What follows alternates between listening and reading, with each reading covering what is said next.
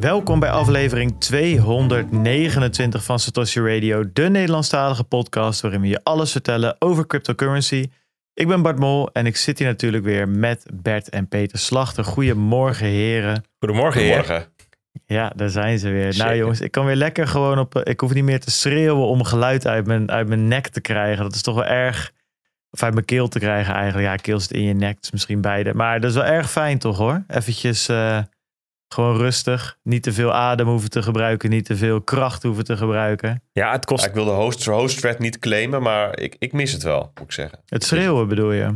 Ja. Wat schorre Ja. stemmetje. Wat, eh, of beide het- het- misschien. de Bij het combinatie. schreeuwen hoorde gewoon de, de rumoer van de community en de leuke mensen om je heen. Want Ja, die- dat is- die- dat- het, dat is het, waar. zitten, het zitten op die banken, gewoon eh microfoontje in je hand, de directe communicatie. Ja, ik, ik mis dat toch wel. Ja, nu al.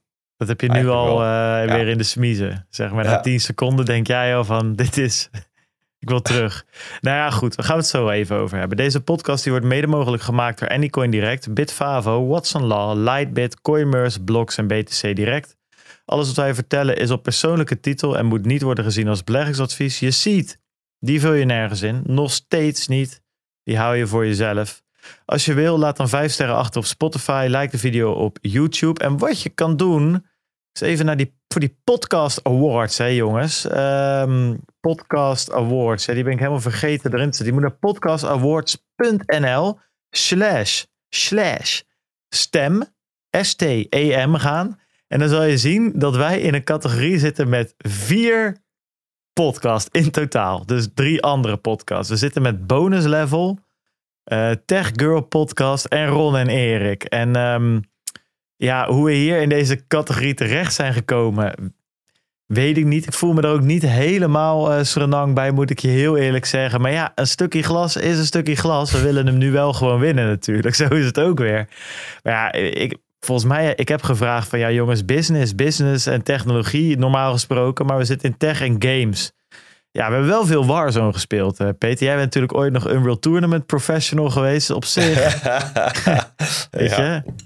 We hebben Ja, wel en- eh, respect, eh, respect the skills, zou DJ Jean zeggen. Die zag ik vanochtend nog langs komen. Respect bedoel, skills, weet je? Daytraden komt ook in de buurt van gaming. Ja, precies. Een soort van aan bordspelletje misschien. Houden Ja. we ook van. Ja, dus we zitten in tech en games. Maar je kan dus stemmen. Dat kan tot eh 6 november zie ik hier. Dus eh, dat gaan we je echt nog de komende weken om mee om de oren slaan. Dus eh, podcastawards.nl slash stem. En dan kan je op ons stemmen. Ik zag trouwens ook dat Rijn Jan met het nieuwe geld ertussen zat. En onze oud-concurrenten Nerd Culture. Die zitten nu in media, cultuur en entertainment. Dus je kan op ze allemaal stemmen. Wat fijn jongens. Alleen maar winnaars kent dit verhaal.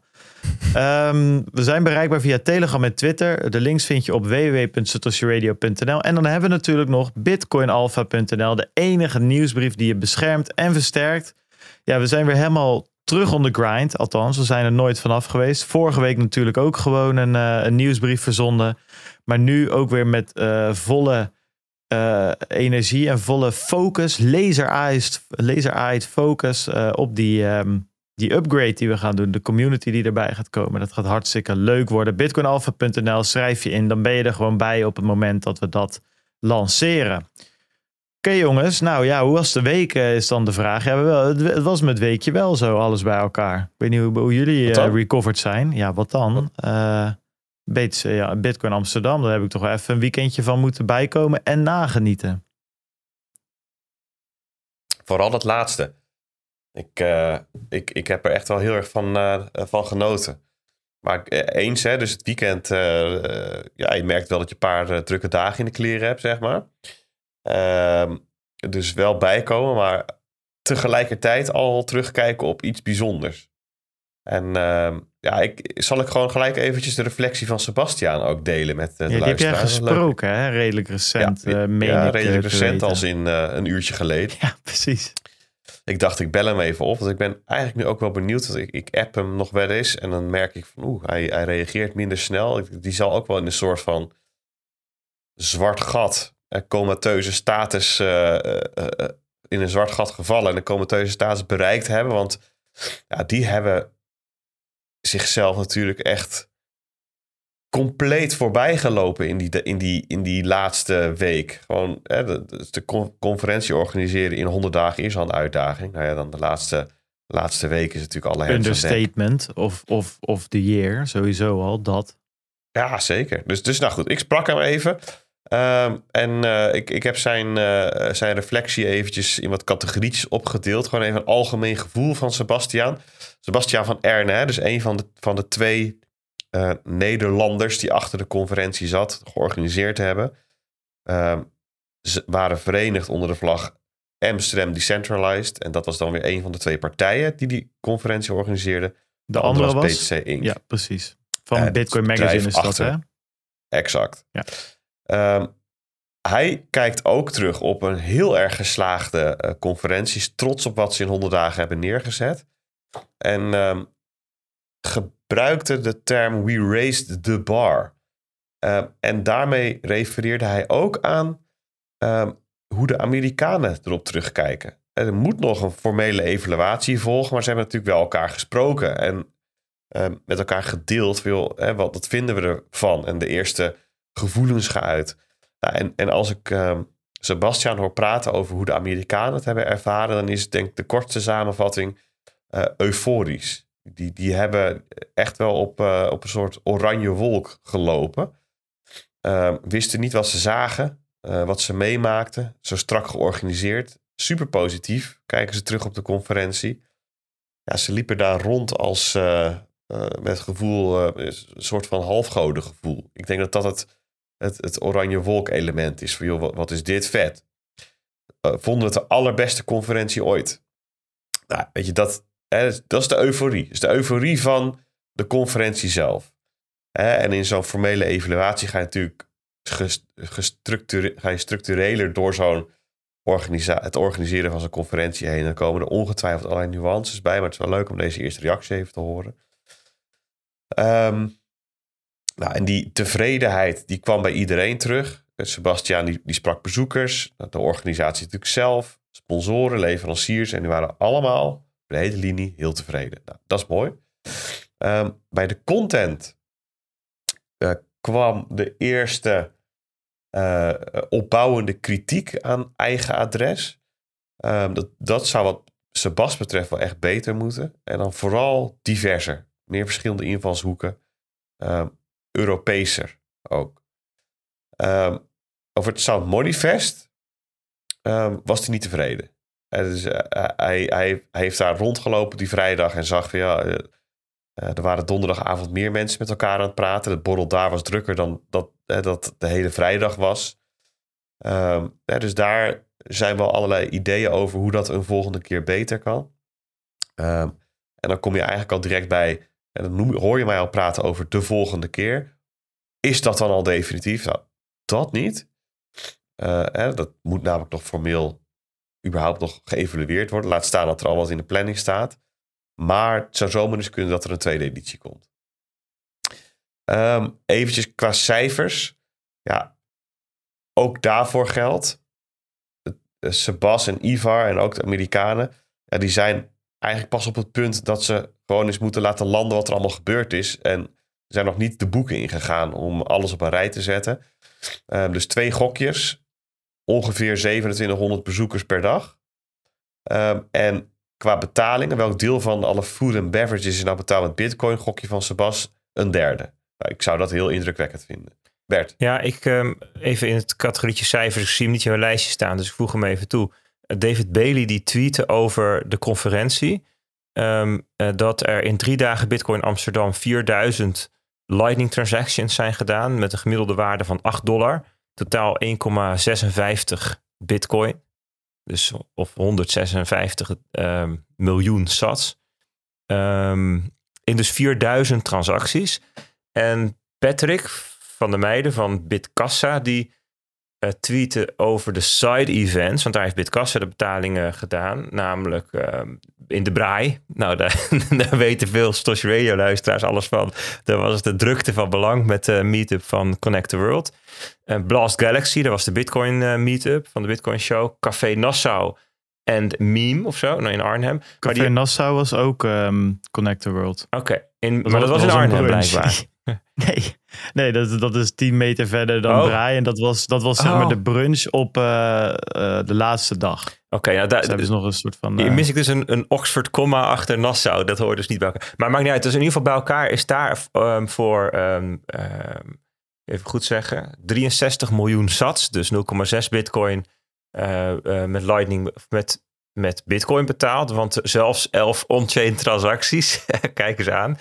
Ehm, en in totaal 1000, ongeveer 927, een kleine 1000. Dus totaal 5000 ehm, transacties geweest. Nou, vind ik best wel ja, eh, en leuk om... eh, daar is die Lightning Beer Tap nog niet eens bijgeteld. Want dat was ook een grote hit in zeg maar die, die, die party tent die alle zalen een soort van aan elkaar verbond. Daar kon je natuurlijk op die biertap zelf met Lightning betalen. Nou ja, goed, die tent stond redelijk vol de hele tijd. Heb ik veel mensen met een pilsje in hun handen gezien. Het zou me niks verbazen als daar ook nog... eh, nou, in ieder op zijn minst tientallen eh, eh, transacties zijn Ja. gekomen. En het zou me ook niet verbazen Ja. dat er een stuk of 200, 300 zijn geweest over de gehele linie. Nou, ik had dus David gevraagd om wat zijn nou de gemiddelde transactiekosten. Nou, daar, kon die, daar heb ik geen, geen antwoord op gehad, helaas. Ehm, Dat zag ik, ja, was jammer. Tom van Bitonic, die, die kon wel wat vertellen over alle, alle betalingen die met het Blab-platform gedaan zijn. En daar zit een gemiddelde transactiefee van 0,4 sats op 300 transacties die via hun platform zijn gedaan. Misschien niet representatief, want zij hebben een direct kanaal met IBEX en Bitkassa.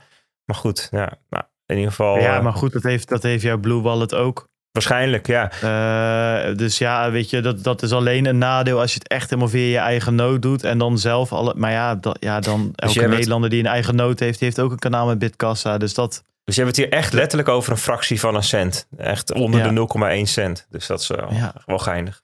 Ah, mooi jongens. Goed om die, eh, dat, dat cijferrubriekje even aan te dikken. Eh, er was ook nog een woordje eh, eh, over de, de rol van de community. En nou, die paas ik gelijk door aan al onze luisteraars. Want ja, dat hebben ze echt als super positief ervaren. Ehm, de, de sfeer, de gesprekken, de, de drukte, het rumoer rondom de Satoshi Radio booth. Ehm, ja, dus, dus nog een keertje ook van ons uit. Iedereen die daar langs is geweest van Satoshi Radio luisteraar tot eh Node Runner tot Bitcoin Alpha lezer. Ehm, bedankt, hartstikke tof. Iedereen eh, was daar prettig aanwezig. En eh, ja, daar moeten we meer mee doen. En we ziet ook eh, Sebas. En dat is ook eh, de, Europese andere communities die er zijn, echt zo'n een plek geven op zo'n conferentie. Dat het gewoon, dat het gewoon één mooie mega meetup is ook, waar ge- gebouwd en geproduceerd en, en genetwerkt wordt. Ja. Dus dat is ehm, ja, even de, de eerste reflectie. Zo, heb ik wel een eh, vraag ook aan jullie. eh, naar aanleiding van deze reflectie. Nu we een weekendje hebben kunnen, kunnen uitrusten. En de meeste euforie wel weer eh, is gaan zakken. En, en een soort van, eh, denk ik gewoon lekker positief gevoel is geworden. Ik denk dat dat toch wel sowieso de bottomline is. Maar ik zou toch ook wel willen vragen. Wat zouden jullie nou volgend jaar willen zien extra, zeg maar? Wat zijn nou de ver- verbeterpunten? Of wat zijn nou aanvullingen? En misschien nou, zijn dat dingen die Sebas al genoemd heeft net. Of zijn er nog andere dingen die jullie eh, toe willen voegen? nou, dan heb ik vier dingen. Oké. Eén is, ehm, ik zou heel graag de, de alle Europese Satoshi Radio communities een soortgelijke plek geven als dat Satoshi Radio op eh, de afgelopen editie had. Dus dat je ehm, op veel meer plekken eh, op zo'n conferentie dezelfde sfeer tegenkomt als bij ons hing, maar dan vanuit een andere invalshoek. Met als bijkomend effect dat al die mensen die zich verbonden voelen met, laten we zeggen, de Duitse Satoshi Radio, 21, eh, ook naar zo'n conferentie komen. Je krijgt veel meer kruisbestuiving. Dus dat, dat, ehm, dat is het eerste. Ehm, het tweede is, ik zou graag veel meer ruimte zien eh, voor ehm, bedrijven en de industrie eh, om zichzelf te presenteren, maar ook met elkaar te verbinden. Ik denk dat dat nog ehm, ja, ondergesneeuwd is voor, voor en dat er relatief weinig mogelijkheden waren voor die bedrijven ook om onderling waarde te creëren. Ehm, Ja, ik zei vier. Nou ben ik tijdens het praten ben ik die andere twee vergeten. Dus als, als jullie nou even doorgaan, dan bedenk ik zo meteen wat die andere twee waren. Ja, dus e- heel even op puntje twee. Iets a- aanvullend. Het gaat dan niet alleen maar om meer ruimte voor het, het huidige aantal, voor de huidige bedrijven. Dat ze meer ruimte hebben per stuk. Dat, dat is ook een wens. Hè, dat je echt wat kunt doen. Ja, in vierkante meters bedoel Ja, jij, gewoon, ja, letterlijk. Ja, dat ja, je ja. gewoon meer ruimte hebt om iets te doen met je klanten, met je netwerk. Maar ook dat er gewoon meer bedrijven bij passen.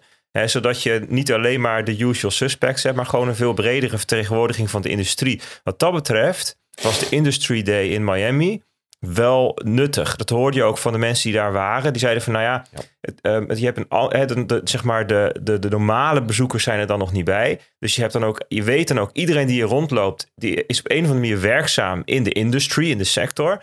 Dus iedereen die je aanspreekt, die, die, die, die heeft op een of andere manier iets met jou te maken. Als leverancier, als klant, als afnemer, als concurrent, als whatever. Een andere hoek van het spectrum.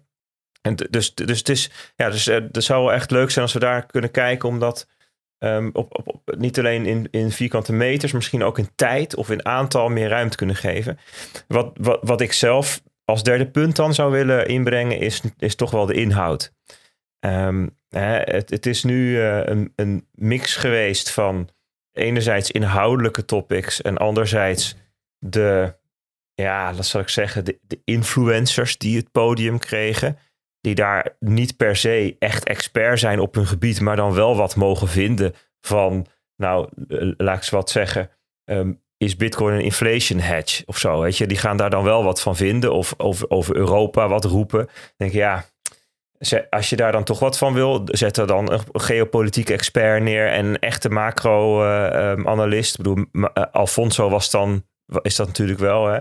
Ehm, hè maar ehm, eh, dan, dan ga je verdiepen, dan ga je nieuwe kennis creëren. En dat miste ik een beetje. Het was meer een beetje herhalen van, hè, veel- op, op, op allerlei momenten herhalen van wat al een podcast een keer gezegd is, of wat de populaire mening is op Twitter. En denk, ja, weet je, als je, als je, als je nou wil eh, dat een conferentie ook een rol heeft in de, ehm, in de jaarlijkse cyclus, zal ik maar zeggen, van kennisontwikkeling. Zo van, oké, op zo'n conferentie dan ontstaan er nieuwe ideeën, nieuwe inzichten, ehm, nieuwe ontdekkingen.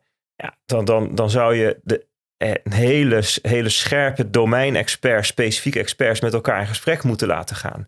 Ja, dat zijn misschien niet de grote namen waar, waar mensen op afkomen. Dat is natuurlijk het lastige. Ehm, maar ja, dus dat had ik eh, wel regelmatig bij zo'n panel. Dat ik dacht van ja, volgens mij zijn er mensen die hier, die hier ehm, een unieker stukje kennis zouden kunnen inbrengen. Ja, Ja, oké. ik, ik, ik, heb eh, ook wel een vierde. Ja, we gaan het klokje ik, eh, nu gewoon af hoor, eh, Peet. Ah, oké. ja, Nou, nee, dan je hebt je plekje op. Dan had je ze maar moeten Ja, herinneren. Of ik- opschrijven, of even ik- over ik- namen. ik- ik- Wat is dit nou? Ik, ik zit netjes mijn beurt te wachten. Ik laat jullie uitpraten. En jij gaat met je grasmaaier nu twee keer eh, dat, dat, voor, voor die voetjes langs. Ja, ik- Ja, ik ga maar dan. je- Ga maar. jou- jou- jouw beurt is eigenlijk gewoon van origine naar de mijne. D- d- dit is even deel 2. Jongen, Bedankt Bert jongen, nou, voor het geven van... Nou, ik, ik ben benieuwd. Ik ben benieuwd of, of je het gras weg... Ik, ik, op zich, ik heb een goede... Ik ben benieuwd hoor. Ik weet het niet. Of, of, of ja, ga maar. Ik ben echt, doe we, maar. gaan, we gaan het zien. We gaan het Ja. zien. Dat Sound Manifest. ehm, dat ik denk... Eigenlijk hadden we van tevoren al een ander beeld bij de functie van zo'n Sound Manifest. Ehm, kijk, eh, de, de typische Bitcoin Amsterdam bezoeker is niet gelijk aan de typische feestbezoeker. En dus als je een festival organiseert, eh, dan weet je één ding zeker. Ehm, degene die daarop afkomt, die heeft zin in een feestje. Dus die, die komt voor de muziek, het dansen, eh, neemt waarschijnlijk oordopjes mee, weet je. En die is daarop ingesteld en die rekent op bepaalde dingen. Ehm, terwijl de bezoeker van zo'n Bitcoin-conferentie komt voor eh, de kennis en voor de contacten. Eh, laat, laat even de sociale kant van het verhaal, netwerken, gesprekken. Ehm, en ik denk dat zo'n Sound Manifest dat goed moet ondersteunen. Ehm, ja, en dat was nu niet het geval. Dat hoeft dan niet per se een losse derde dag te zijn. Dat kan ook op een andere manier ingebouwd worden.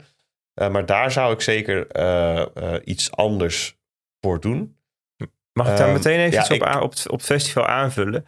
Ik, er, stond ook ehm, bij, de, bij de uitdrukking World's First Bitcoin Music Festival. En als ik aan een festival denk, dan denk ik aan een plek waar je wel muziek hebt, maar waar je ook nog met elkaar kan praten. Daarom had ik er veel zin in. Ik denk, weet je, je gaat erheen. Er zijn nog een hele hoop bitcoiners. Je hebt gewoon, je kan dus zonder dat iedereen naar talks moet. Van, oh, ik moet nu daar, ik moet nu daar gaan luisteren. Kun je gewoon met elkaar kletsen, wat hè, mensen ontmoeten, nieuwe mensen leren kennen.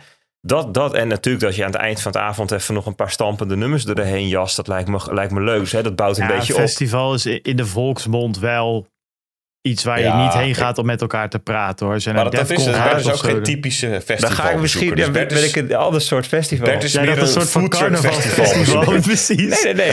Zo buiten, bui- buiten, weet je wel. En, Ja, maar, ja, ja, maar, en- ja, maar ja, ja. precies, dat, dat, had ik, dat, dat had ik ook ver- verwacht een beetje. Maar eigenlijk al vanaf de allereerste minuut was de muziek zo hard dat je elkaar gewoon niet kon, eh, kon verstaan. Dus als je, als je een woord wilde wisselen, dan moest je naar buiten. En dat zag je dus ook gebeuren. Iedereen stond buiten. Dus nou ja, Ja, kijk, een, een overwegend autistisch publiek.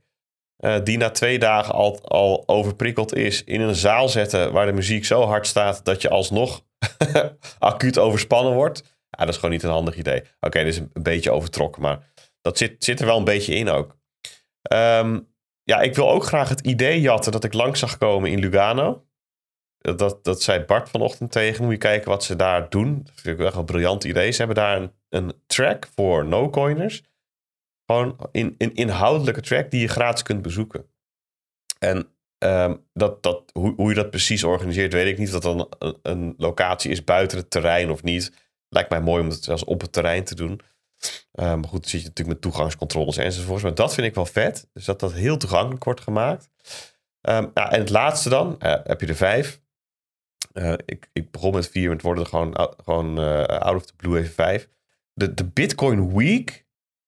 Ik zou het tof vinden als daar vanuit de organisatie iets meer leiding overgenomen wordt. Zodat zo'n Bitcoin Week ehm, wat meer wordt dan het nu was. Eh, begrijp me niet verkeerd. Ik vond die side events allemaal super tof. De borrels, het eten wat daar georganiseerd is, echt ook petje af. Maar ik denk dat er eh, zeker een inhoudelijke kant meer uit zo'n evenement gehaald kan worden. Ehm, ik, ik vind dat ze dat bij die Ethereum Conference Weeks ehm, beter doen. Ja, dus je krijgt de dan een tientallen hebben ze dan dingen eromheen. Ja. ja, en, en daar zit dan een bepaalde draad in en een bepaalde. eh, je, je merkt dat, dat, dat daar de organisatie wat steviger is. Ehm, en dat lijkt mij gewoon om zo'n stad wel echt even om te toveren tot Bitcoin-stad. Dat lijkt mij daar ook bij helpen. Bart, had Nou, dat was een Bart. Is er nog wat over? Nou ja, op zich wel. eh soort van. Eh, en dat, dat sluit een beetje aan op dat Lugano-verhaal. Ja, ik vind het eigenlijk... Kijk, wij hebben natuurlijk pasjes gehad. En eh, als je dan aanmeldt, of als je spreker bent... dan krijg je nog een plus één erbij. Dus dan krijgen wij nog drie extra passen. We hadden voor onze teams hadden we mediapassen. We hadden voor Connect the World mediapassen. Uit- Uiteindelijk kwamen we om in de passen. Dus iedereen die, die dicht bij ons zat... die konden we eigenlijk gratis meenemen. En wat ik op een gegeven moment wel een beetje tot mij doordrong, eh, dat ik dacht van ja, ik vind het eigenlijk gewoon te duur. Heel eerlijk, 500 euro voor een kaartje is, is, echt, eh, is echt heel veel geld. maar het begon op twee, Eh, 200 zoveel, toch? Ja, vind ik ook heel veel geld. Ehm, en toen was er nog, nog niks bekend. Kijk, op zich, kijk, weet je, inderdaad, als je het volgend jaar weet, kan je best, als je echt een Bitcoin-fan bent, nou, ga je een paar keer minder uit eten en dan ga je hier naartoe voor 200 euro. Dus dat is wel zo. Maar ik wil toch wel, ja, omdat wij natuurlijk al die kaarten gewoon gekregen hebben, heb ik daar niet echt bij, bij stilgestaan. Verder vind ik eigenlijk die Whale Pass, ik snap het idee, maar ik vind dat vind dat eigenlijk niet thuis horen op een Bitcoin-conferentie. Doe dat op een andere manier. Maak daar iets van eh, zakelijke pas van of whatever. Zodat je alsnog gewoon een hoger bedrag kan vragen. Maar ik vind, ik vind dat hele Amerikaanse VIP-gebeuren. Ook met zo'n verhoogd podium op zo'n festival. Vind ik dan een beetje dat ik denk, ja. I don't know. Het, het, het past Ja. voor mij niet helemaal bij, bij Bitcoin. En, En- ik vind dus. Het, het sloeg ja. ook nergens op wat je daarvoor kreeg. Als je nou 4000 euro hebt betaald en dan heb je Nou een, goed, een dat area, heb je de, de koude lekkende tent. waar goed, waar niet eens een wel- barista koffie staat te maken, maar weet je wel. Denk je, Ja, ja, daar, daar, daar kan je het dus nog over hebben, wat je er inderdaad- inderdaad voor krijgt. Maar kijk, ik kan me voorstellen dat je, dat je, dat je een bepaalde eh, verschillende passen aan wil bieden. Daarover gesproken, een dagpas zou fantastisch zijn in Nederland, eh, denk ik. Dat je bijvoorbeeld voor 100 euro of 150 euro Ja. één dag kan bezoeken. Dat is echt iets wat ze toe moeten voegen. Want veel mensen vinden het ook gewoon moeilijk. Je betaalt veel geld voor een kaartje en moet eigenlijk nog eens twee, drie dagen vrij nemen. Dat is ook wel zo'n ding natuurlijk. Dus ik zou daar wat meer willen zien. En ik denk dat dan zo'n initiatief wat ze dus in dat, in dat Lugano Bitcoin Festival hebben.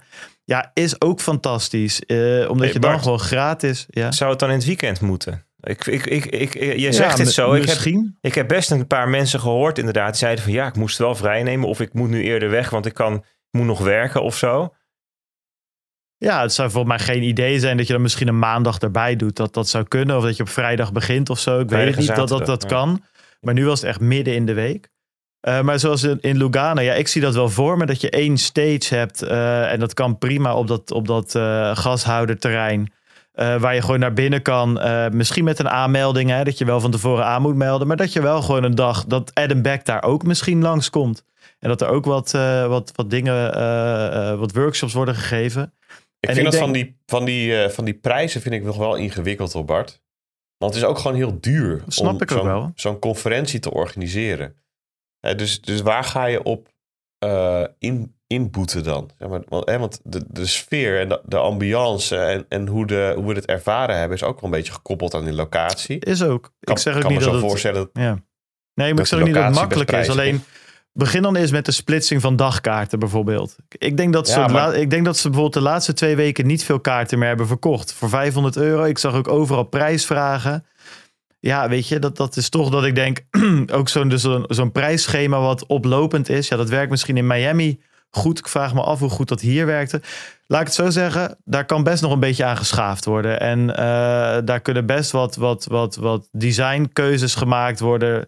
eh, waardoor je misschien uiteindelijk niet, eh, niet je omzet misloopt, maar dat het in ieder geval wat meer bij Bitcoin past. Dus ik zou met wat met die whale passes doen, of in ieder geval anders noemen van mijn part. Al is het, maar, al is het alleen maar dat.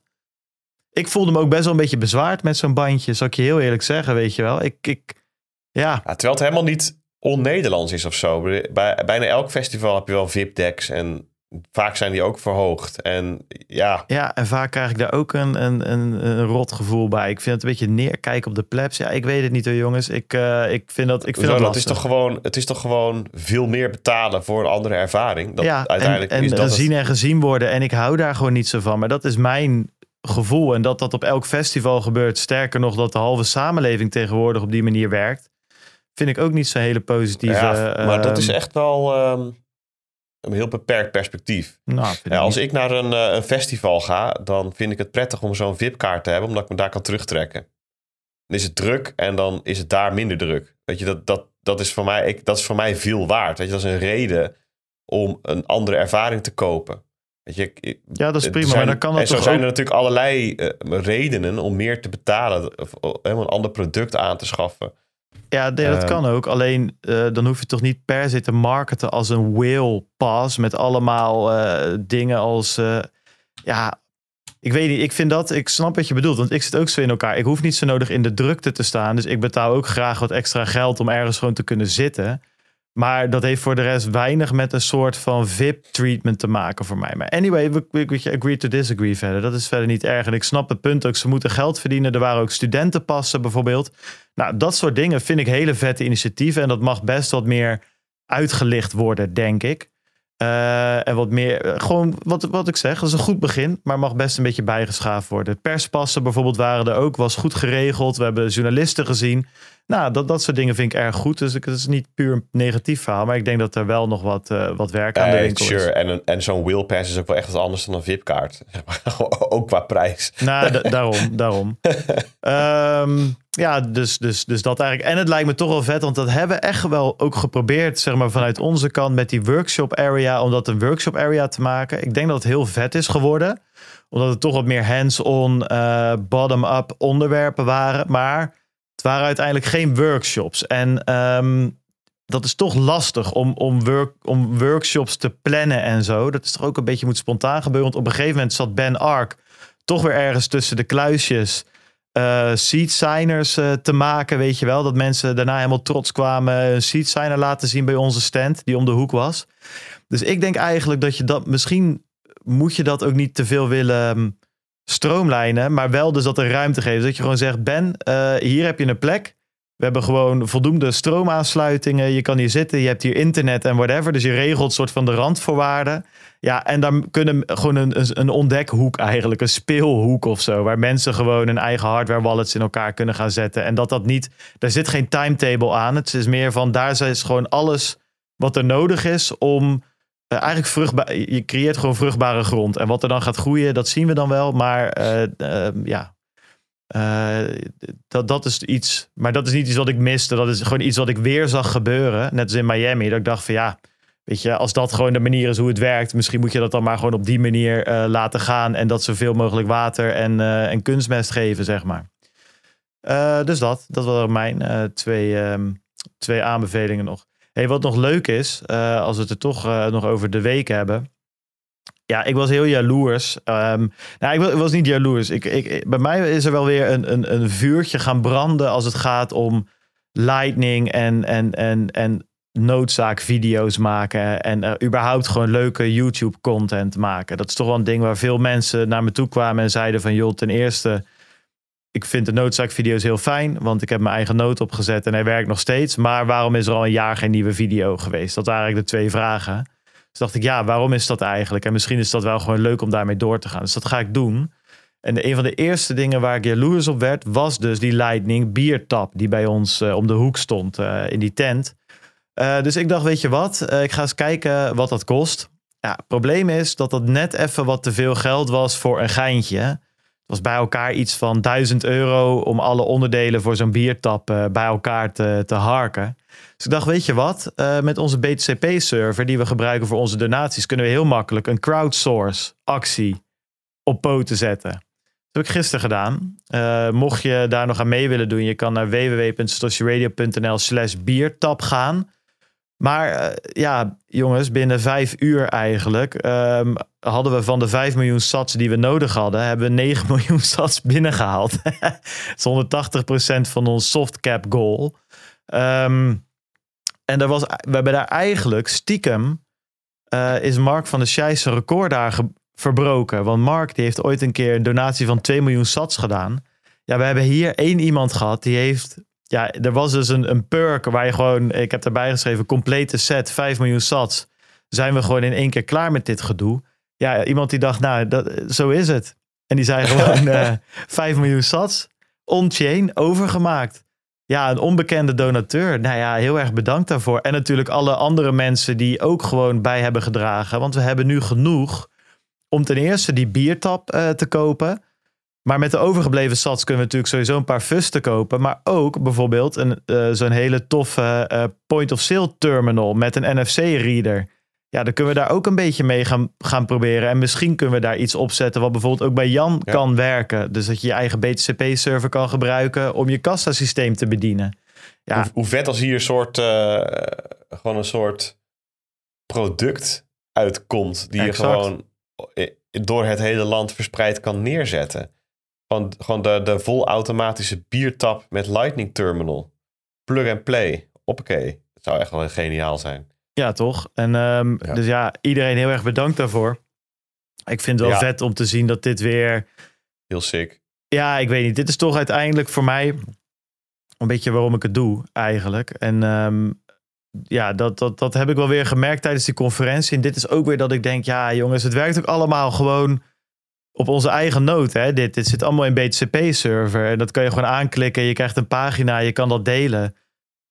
En het werkt. Ja, ik vind het. Uh, we zitten echt weer op een punt. Echt, echt zo'n omslagpunt, heb ik het idee. Ik zie alleen maar toffe Lightning-experimenten. En dat zit echt een beetje tegen het punt aan dat er eentje een keer zo populair wordt. dat het daadwerkelijk soort van mainstream.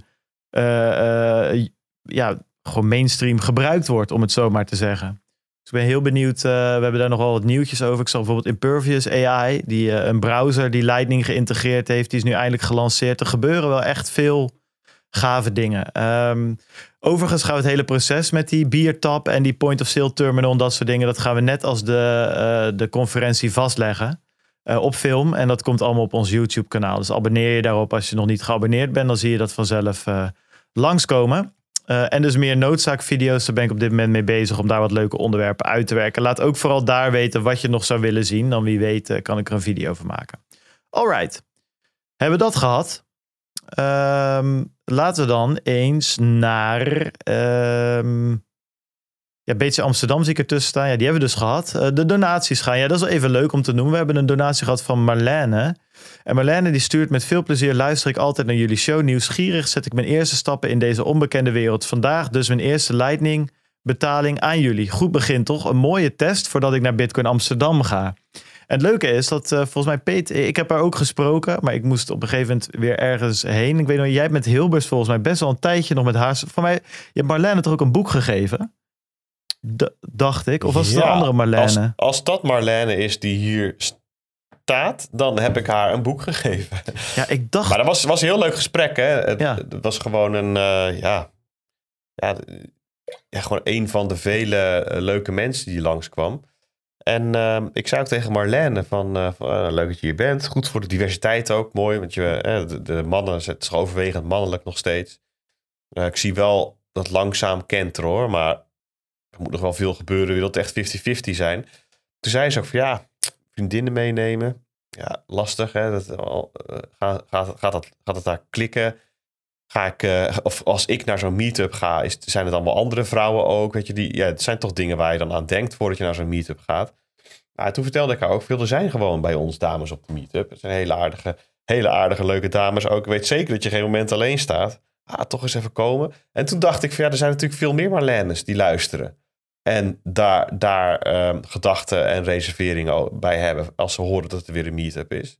Ik dacht, weet je, wat ik tegen Marlene zeg, dat zeg ik gewoon even tegen iedereen. Als je over dat soort dingen twijfelt, niet doen, gewoon komen. Het is, het is super toegankelijk, vriendelijk publiek, man en vrouw. Ja, meer mannen dan vrouwen, maar dat verandert alleen als je beslist om te komen. Dus eh, bij de volgende meetup, waarschijnlijk is dat in Tivoli, gewoon aansluiten. Nou, waarschijnlijk. Ja, misschien is er nog eentje daarvoor, bedoel je. Daar zou ik niet op rekenen. Zet 6 december maar in je agenda. Eh, sowieso doen. Daar komt eh, deze week waarschijnlijk meer nieuws over. Eh, maar het gaat sowieso gebeuren, jongens. 6 december in Tivoli, inclusief een meetup.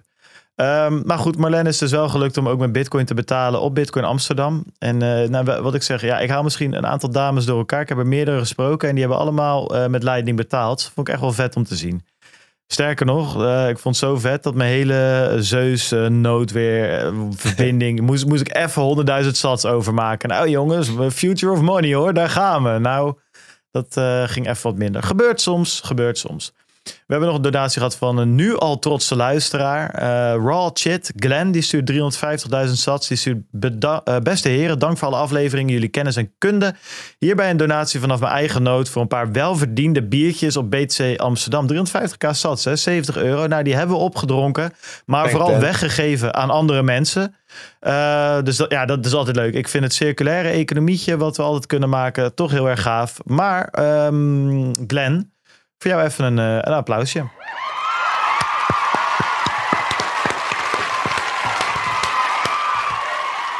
...70 eurotjes, daar konden we toch al snel drie biertjes van kopen. Ehm, beste heren, eh, die hebben we dus gehad. Beste heren, Erik, eh Kenneth Tappel, Ramon, No Good, Slapio of Bo Wubbo stuurden ook allemaal nog een donatie. En ja, een nieuw member in onze groep, Streepje, eh, noemen we hem liefkozend, omdat hij een naam met allemaal gekke streepjes en dingen heeft. Die lijkt op een M. Nou ja, goed, kom in de groep, dan zal je het zien. Ja, die stuurde het niet luttele bedrag van 1 miljoen sats. Die pakt dus bijna even het record van Mark van der Scheijs af. Eh, die, wat overigens, hint hint, dames en heren, op 2 miljoen sats staat.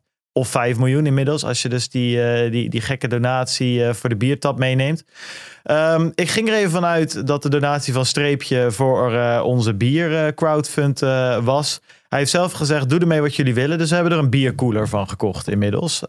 Althans, daar staat hij voor gereserveerd. Hij zegt, beste heren, ga zo door. Nou, dat is fijn, toch? Nou, dat doen we. Ja, Ja. gaan we doen. Thanks voor de Ja, mooie top. donatie. Eh 1 miljoen sats, dat is echt wel flinke unit. Ehm, dat is gewoon 200 euro tegenwoordig. Dan hebben we Connect the World, Ed en Stef. Die hebben echt een, echt een, eh, shitload aan eh, eh, dingen opgenomen tijdens Bitcoin Amsterdam. Die staan allemaal online. Maar ze hebben ook alweer een nieuwe aflevering online staan met Roman Ru- Rufal. Roman Rufal, eh, de co-founder van LN Markets. Dat is wel grappig, want LN Markets is een soort van Deribit-achtige exchange die dan draait op het Lightning-netwerk. Dus met allemaal derivaten en whatever. Goed, uh, weet, uh, bezint uh, voor je begint. Hoe gaat het ook weer, jongens? Jullie weten dat bezint wel, hè? Ja. eer je begint. Ja. Is dat het? Ja, dat is hem. Dat is hem ook Ja. echt. Oké, bezint eer. het, nou, het dit is kan met het derivaten. kan ook andersom. Begint, eh, ja, nou, anyway, dit gaat over eh, derivaten, hefbomen, jongens. Let daarmee op. Maar het is wel interessant dat het op Lightning eh, werkt. Dus eh, ga hem eens luisteren als je wil weten hoe het werkt. Connect the World op Spotify en YouTube. Bertus, eh marktupdateje. Laten we maar eens even, even weer eens even lekker ervoor gaan zitten. We hebben natuurlijk vorige week wel wat gedaan, maar we hebben nu weer eh, alle tijd. Ja, vorige week, dat was echt even, even hoog over. Eh, inflatie Even omhoog. ouderwets. En oké, Ja. volgende onderwerp. Ja, jongens, het is, eh, het is best wel ehm, een rustig weekje, eigenlijk. Deze week op de financiële markten. Als je het vergelijkt met de afgelopen weken, hebben we natuurlijk behoorlijk wat eh, turbulentie gehad. Ja, bij Bitcoin is het al bizar, echt al vijf weken ruim. Afgelopen dinsdag tekende ik 35 dagen op dat de koers van Bitcoin ehm, tussen de 18.300 en, en, en, en 20.500 dollar zit. Zeg maar in een prijsbereikje van zo'n 2000 dollar gaat die koers heen en weer. En, en stel nou eens dat je. Er zit een soort van, ja, vroeger noemden we dat een Bart, naar, naar Bart Simpson. Die heeft zo'n kop met twee rechte lijnen aan de zijkanten verticaal. En dan van die soort van, ja, haartjes bovenop. Dat is dan... eh, Een beetje tegenovergestelde van mijn kop, zeg maar. een soort, eh, het is zo gek, een soort cirkel op die, die Ja, kaart ja. opeens, weet je wel. Maar, maar als je, stel dat je die, die, eh, ehm, die stijging omhoog en dan daling naar beneden, als je die, stel dat je die zou negeren, als je dat als een anomalie zou zien, dan is die periode dat we in dit prijsbereik zitten nog veel langer. Dan begint dat al op eh, 26 augustus of zo. Ze zitten bijna op, op, op twee maanden, acht, acht weken. Dus gaat, het gaat we gaan daar, daar gaan we straks nog even over hebben, over de rust bij Bitcoin. Ehm, in een periode van best wel turbulentie op andere financiële markten. Nou, je hebt ook dingen in de krant erover kunnen lezen. Ehm, Bank of England die moest ingrijpen.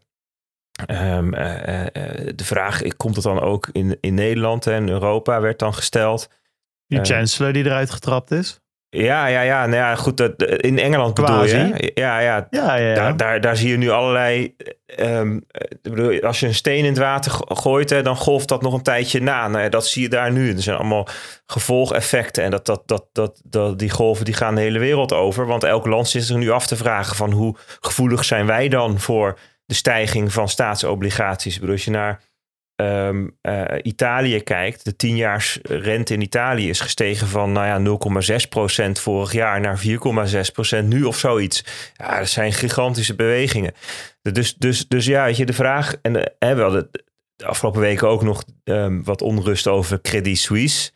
De credit default swaps die opliepen in prijs. Dat betekent dat, dat, dat je meer moet betalen om je te verzekeren tegen een bankroet. Nou ja, dat betekent dus dat de markt blijkbaar meer risico ziet dat dat gebeurt. Dus allemaal van dat soort dingen. En Bitcoin is rustig stil, gaat rustig zijwaarts. Nou, in al die turbulentie zie ik mensen zoeken naar iets van grip op de situatie. Iets van een aanknopingspunt van oké, wat, wat kunnen we hier nou over zeggen? Dus, dus als, je, als je echt maar, eh, zeg maar heel rationeel en nuchter ernaar kijkt en eerlijk ook, ja, dan, dan moet je constateren dat er ontzettend veel onzekerheid is. Dus er zijn ontzettend veel bewegende delen, bewegende onderdelen, die, die, waarvan het van al die onderdelen die aan het bewegen zijn, moeilijk is om te zeggen hoe ze in de toekomst gaan bewegen. Energieprijzen, oorlogen, geopolitieke spanningen, China, Taiwan, ehm, eh, voedselprijzen.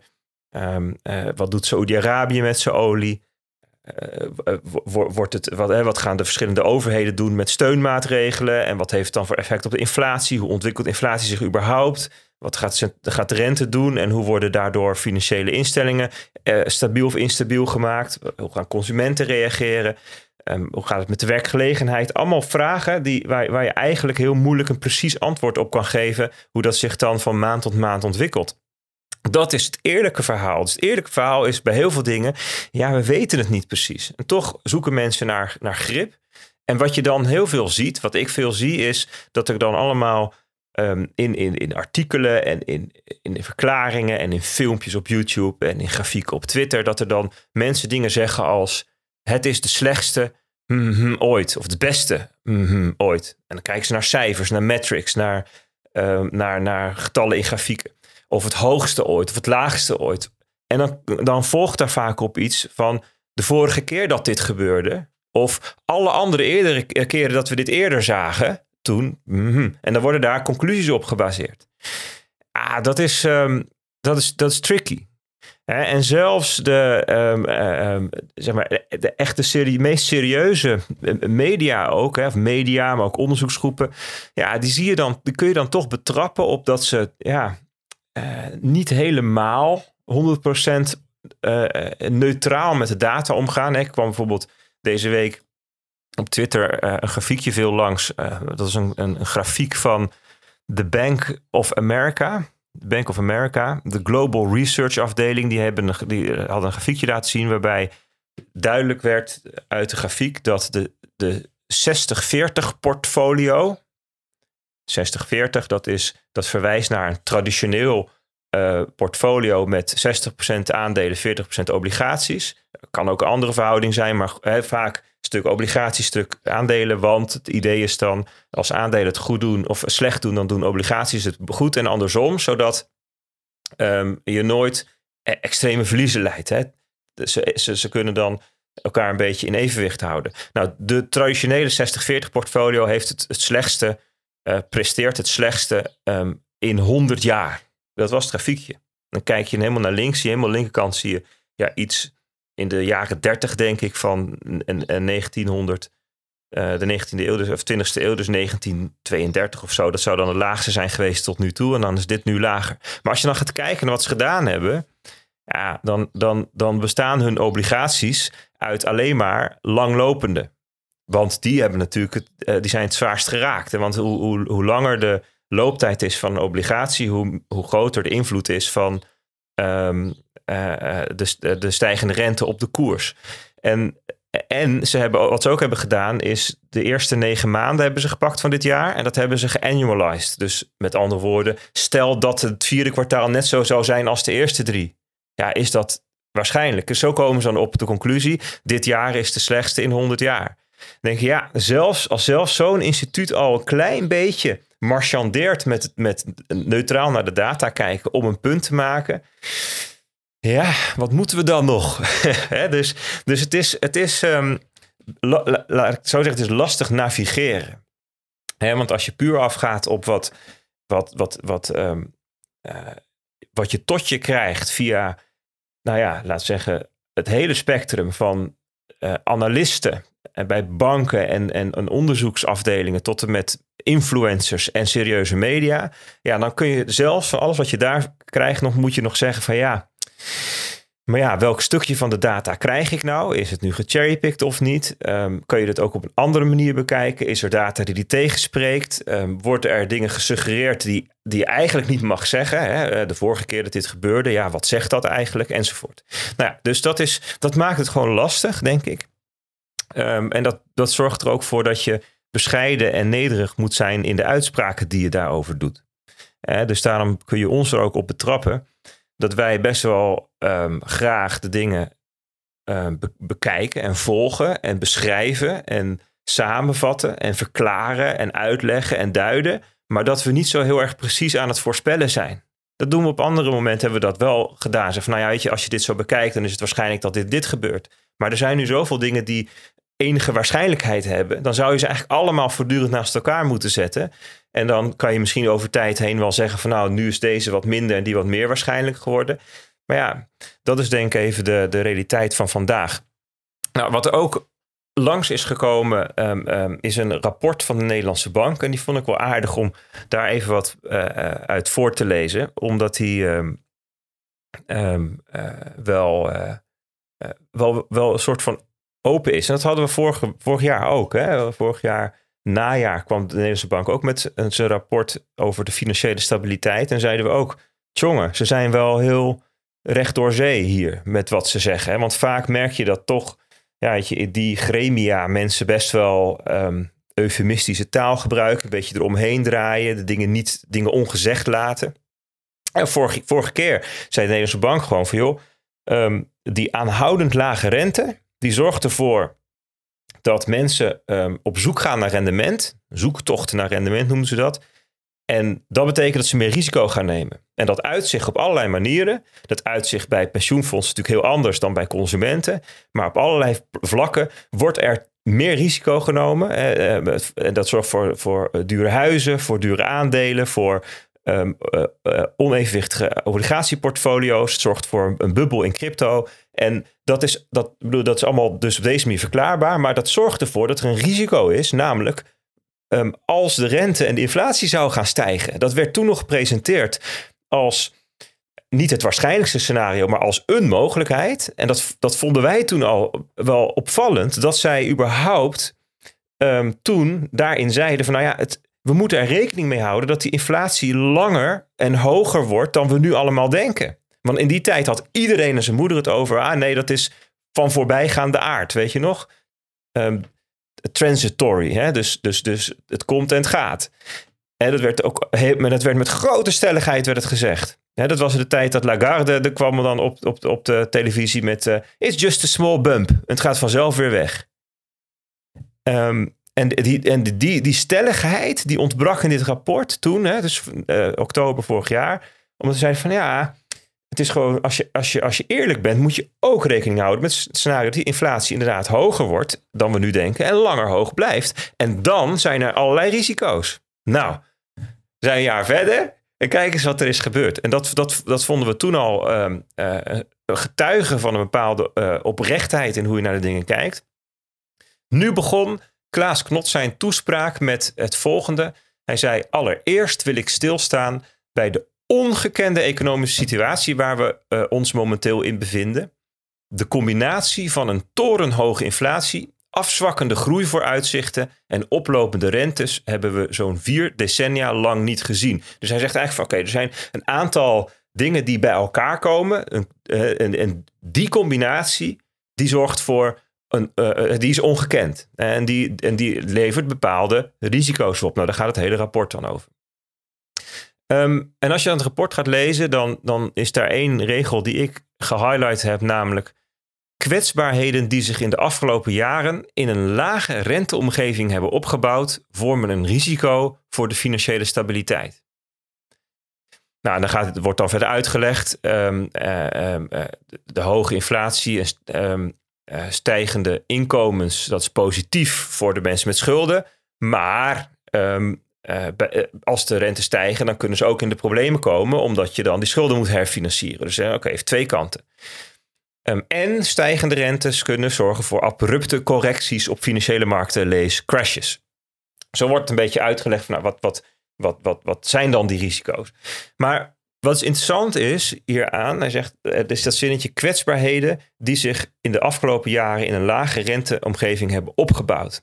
want, um, en dat is waar we het net even over hadden, hè, van um, wat ze vorig jaar signaleerden als, oké, dit zijn soort, eigenlijk soort bubbels die ontstaan zijn doordat mensen risico namen omdat ze naar rendement op zoek gingen. Die bubbels die zijn er dus nog. En um, als die er niet waren geweest, dan, dan, dan dan was de afnemende economische groei of een recessie helemaal geen ramp geweest. En, en, en had hogere inflatie, ach, dat kunnen we wel hebben. En wat hogere rentes.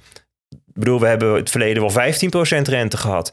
Dus op zichzelf zou het allemaal niet een probleem zijn, waren het niet dat er dingen aan vooraf gegaan zijn. Dat is eigenlijk wat ze zeggen. En dat vind ik mooi. Hè? Dus, de, dus het, dus het zicht op de padafhankelijkheid. Er zijn bepaalde dingen gebeurd. En daardoor zijn er nu kwetsbaarheden. Nou, ik denk dat dat een heel uh, terechte uh, constatering is.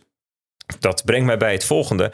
Um, er ging een, een ander grafiekje van Bloomberg um, rond. En waardoor verschillende mensen interessant commentaar op gegeven werd. Dat gaat over debt servicing.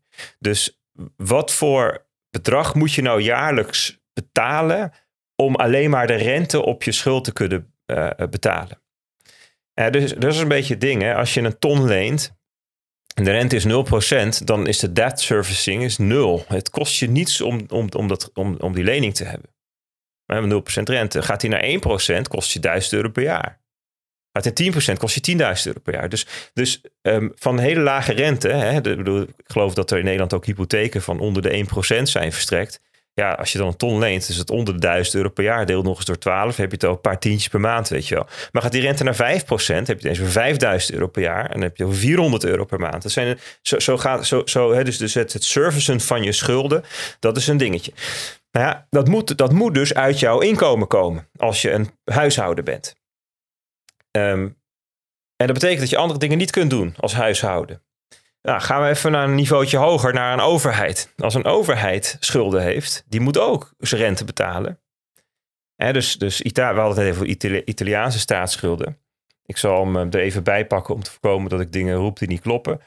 Um, ehm, 0,6 procent was dat 10 jaar Italië in augustus 2021. En vandaag is het 4,8 procent.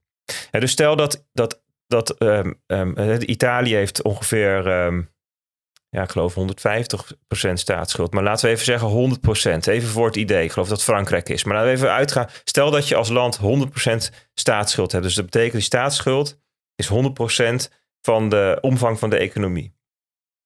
Dan uh, als de rente 0,6% is, betekent dat je dus 0,6% van jouw omvang van de economie per jaar moet betalen aan rente. Gaat hij naar 4,7% of 4,8%, dan moet je dus 4,8% van je omvang van je economie betalen. Dus dat gaat om ongelooflijk grote bedragen. Nou, wat, wat dit grafiekje dus zegt, is die heeft een soort van prognose naar de toekomst gemaakt. Die zegt dat Italië um, in 2019 ongeveer 3% van de e economie um, nodig had alleen om de schulden te betalen. Om de rente te betalen, sorry, op de schulden. En dat, dat loopt op naar 8% in 2040 en 7% in 2030. Dus in de komende jaren gaat het enorm oplopen. En dan gaan ze dus uit van bepaalde verwachte uh, rentestanden in de toekomst. Dus nou ja, de omvang van de economie is natuurlijk nog weer heel stuk groter dan het budget van de overheid. Het, hangt een beetje, verschilt een beetje per land hoe groot, um, welke deel van de economie uiteindelijk via de overheid loopt. Dus als je zegt van Nederland is dat geloof ik, ja, goede vraag. Hoe, hoe groot is het budget van de overheid hier eigenlijk? 400 miljard of zo? 300 miljard? Ik, het budget van de, per jaar. Ik ja, eens even opzoeken. En, en, ik geloof dat de omvang van onze economie is iets van 800 miljard. Nou, dat zeg ik echt, echt even, uit, even uh, uit de losse pols. Maar een beetje dat soort getallen moet je aan denken. 800 miljard is het bruto binnenlands product. Dat is inderdaad de omvang van de economie. En dan ga ik nu even... Ik bel weer even. Ja, uh, zoals we hebben. Maar je, moet je dus voorstellen dat het dus... Hè, dus stel dat in Nederland dat we naar 8% zouden gaan. Hè, dus dan heb je 8% van uh, eh, 800 miljard, is 64 miljard. Nou ja, als ons budget van de overheid maar 300 miljard is... dan is die 64 miljard dus niet 8%... Maar 20% inmiddels hè, van, van, van het totale budget van de overheid. Kijk, en dan wordt dat ineens heel snel heel erg lullig. Dan betekent dus dat de overheid allemaal belasting int. En voor alles wat ze hebben opgehaald aan belasting, moeten ze 20% gebruiken om alleen maar rente te betalen. En dan, wordt dan worden die schulden waarvan we altijd zeiden van, ah ja, dat doet toch niet zoveel pijn. Nee, dat klopt, met 0% rente. Dat wordt dan ineens heel erg pijnlijk voor Italië in dit geval. Want in Nederland liggen die getallen natuurlijk veel gunstiger. Omdat wij een veel kleinere staatsschuld hebben. En ook goedkoper kunnen lenen.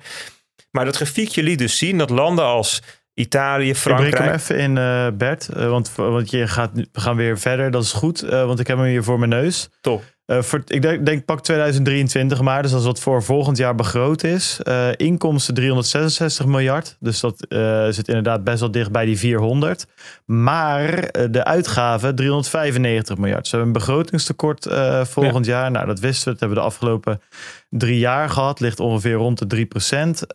en is toch even goed, hè? die overheidsschuld is in Nederland nou, 49,5% van het BBP. Ja. Dus, dus uh, zou dat dan uh, van, op uitkomen? Dus in Nederland hebben we op allerlei manieren hier niet zo'n probleem. Omdat we en onze schuld is laag. En we kunnen veel goedkoper lenen dan in Italië. Voor Duitsland geldt dat ook. Maar in Italië en, en Frankrijk, en het zal voor Portugal en Griekenland bijvoorbeeld niet anders zijn. En Amerika gaat ook steeds meer pijn doen. Die, die, er wordt ook al 4% verwacht van de economie. Dat, dat, um, dat je dan dus heel snel met z'n allen in een land, nou laten we even Italië nemen in 2030. In Italië is de Italiaanse bevolking dus de eerste drie maanden van het jaar, twee à drie maanden, aan het werk alleen maar om de rente te kunnen betalen op de staatsschuld. En dan wordt het allemaal wel heel erg pijnlijk. Hè? Dus, dus dit, is, dit, is, dit, is, dit is wel um, het idee van eh, ehm, eh, joh, we lenen het wel even bij. Hè? Met andere woorden, we moeten huishoudens overeind houden in coronatijd en bedrijven en energieproblemen. Ah, nog weer geld lenen. En dan het hele verhaal in Engeland van die mevrouw uh, Truss, die zei, weet je wat, we gaan gewoon de belastingen verlagen en we lenen het wel bij. Dat is allemaal goed en aardig, zolang de rente op 0% staat. Maar dat is een onhoudbare en extreme situatie. dat is, dat is, dat is een, een, een uitzonderingssituatie. Normaal gesproken moet je daar gewoon over betalen. En dat het oploopt naar 4 of 5 procent is ook helemaal niet gek historisch gezien. Ja, en als dat gebeurt, ja, dan ga je dus een steeds groter gedeelte van ehm, ja, wat je als land met elkaar verdient, moeten gaan betalen aan uh, um, rente. Ja, en, en als je dat dus um, als je dan dus tekort komt, dan zou je dus in de verleiding kunnen komen om daar dat dus weer bij te gaan lenen. Nou, en dan kom je in een soort van schuldenspiraal terecht. En dan loop je schuld steeds verder op, omdat je namelijk uh, geld moet lenen om de rente te voldoen. Nou, daardoor wordt je um, financiële gezondheid slechter, hè, want een groter je schulden groeien ten opzichte van je economie. Dus zou je rente ook oplopen. En mensen, hoe slechter je financiële situatie, hoe hoger de rente is die je moet betalen, geldt voor, voor bedrijven of een huishouden ook. En dat betekent dat je dus nog meer debt servicing costs hebt. En dat je dus nog meer zal moeten bijlenen tot je uiteindelijk als land failliet gaat. Nou, dat zijn natuurlijk processen van decennia. Er zijn allerlei manieren om dit te fixen. Bijvoorbeeld, je kunt um, uh, je munt devalueren en je kunt schulden afschrijven. Je kunt uh, financiële repressie toepassen. Er zijn allerlei manieren om te voorkomen dat je als land echt failliet gaat. Hè? Maar um, ja, dit maakt wel even pijnlijk. Hè? Dit is eigenlijk een soort illustratie van wat um, Klaas Knot dan uitlegt over de risico's die zijn ontstaan door de kwetsbaarheden die zich hebben opgebouwd. Ja, in de loop der tijd hebben dus landen een enorme staatsschuld gekregen. Ja, als die rentes gaan stijgen, ja, dan gaat het heel veel pijn doen als, als in de loop der tijd, want dan moet natuurlijk wel uh, heel uh, um, zuiver in zijn. Hè? Als die rente stijgt, ga je niet meteen meer betalen. Hè? Dat, dat, je gaat pas meer betalen als bepaalde schuld afloopt en je moet het herfinancieren. Dus dat is in de loop der tijd dat een steeds groter deel van jouw schuldenpositie hè, als stel de rente op 5% blijft voor heel lang, die 5% ook daadwerkelijk gaat betalen. Nou, dus dat is even iets wat daar. Dit speelt zich ook dichter bij huis af, overigens. Wat kleinere schaal, maar eigenlijk precies hetzelfde idee. het rentepercentage voor studieschuldlening is vastgesteld. En die is voor het eerst, voor het eerst in vijf of zes jaar is die op nou, boven de nul. En het is nu 0,46 procent. Um, maar wat ik hier grappig vind, is dat ze nu eigenlijk uh, het duo en uh, de overheid en whatever, al die partijen die, die, die, die hiermee bezig zijn, die trekken een beetje de handen ervan af en die zeggen: Ja, jongens, uh, we stellen deze rente vast hè, op basis van de vijfjaars rente op de staatsobligaties. En die inmiddels staat weer op 0,46%. Dus ja, hey, kan ik niks aan doen. Ja. dat moeten we doorberekenen. Toen dacht ik ook, ja, maar stel dat je smeerlappen. Kijk, ik snap waarom het moet hoor. Ik bedoel, je kan. Dat, ik, ik snap het, maar eventjes gewoon uh, even de proleet in mij, weet je, die gewoon even wil ranten. Vijf jaar lang heeft die vijf jaar rente op obligaties onder de nul gestaan. En ik heb geen rode cent gezien van het duo. Dat betekent dat ik met mijn leningje echt een hartstikke leuk zakcentje. Sterker nog, dat ik gewoon met mijn lening, mijn lening voor best wel gewoon, ik denk wel voor 10% dat kunnen aflossen gedurende die jaren. Want uh, ja, weet je, uh, met een uh, staatsschuld, met die obligatierente onder de nul, betekent dat ik geld moet krijgen van Duo voor mijn rente. Maar goed, toen was er opeens natuurlijk wel een, een harde nul. en hebben ze de rente op 0% gezet. En even voor duidelijkheid, mensen, ik snap allemaal heus hoe dat werkt. Alleen het toont wel aan wat je dus krijgt als rentestanden op onnatuurlijke niveaus terechtkomen, hevig uh, aan de knoppen gedraaid wordt door bankiers en eigenlijk die markt. En ik ben helemaal niet van alles moet vrije markt zijn, dat is het beste ooit. Maar ik zie hier wel dat de markt, wat er gebeurt als een markt niet meer functioneert eigenlijk. En dan krijg je dus ook dit soort gekkigheid dat we nu met die uh, studieschulden hebben gezien de afgelopen jaren en de rente erop. Vond nog even ja. Uh, relevant om daar uh, aan te hangen, Bertus. Absoluut. Ja, kijk, je ziet langzaam een soort van meer fundamentele vraag zich aftekenen. Hoe gaat nou de komende decennium eruit zien? Ehm, hoe gaat de komende vijf tot tien jaar zo'n beetje eruit zien? En gaan we, nou, gaan we nou weer terug naar het oude? En die vraag die hoorde je natuurlijk in coronatijd al. Hè, van gaan we weer terug naar het oude normaal? En dat ging dan in eerste instantie over wel of geen mondkapjes en social distancing. Maar dat ging ook over, gaan we, blijven we wel of niet thuiswerken? Is die arbeidsmarkt structureel veranderd of niet? En uh, gaan er bedrijfstakken vanaf nu anders werken? Gaan we vanaf nu uh, anders om met vergaderingen en, en, en, en afspraken? Gaan we nog wel overal heen rijden? Of gaan we dingen via Teams en, en, en Zoom en zo doen? En dat soort vragen.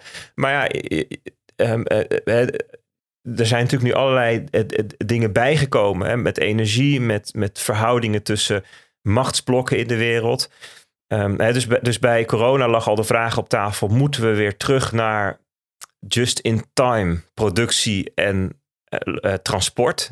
Hè? Of moeten we meer just in case gaan werken? Hè? Dus dat je wat voorraden gaat aanhouden. Dus die vraag lag er al. Nou, de hele vraag van globalisering, die liep eigenlijk ook al. Hè? Dat was al in 2018 en 2019 ook aan de orde met Donald Trump, die die importheffingen op, opwierp en zo. Dus er waren eigenlijk al bepaalde dingen aan het veranderen, ook, ook in de, op, op het energiegebied. Corona die heeft eigenlijk het ons zicht daarop verstoord.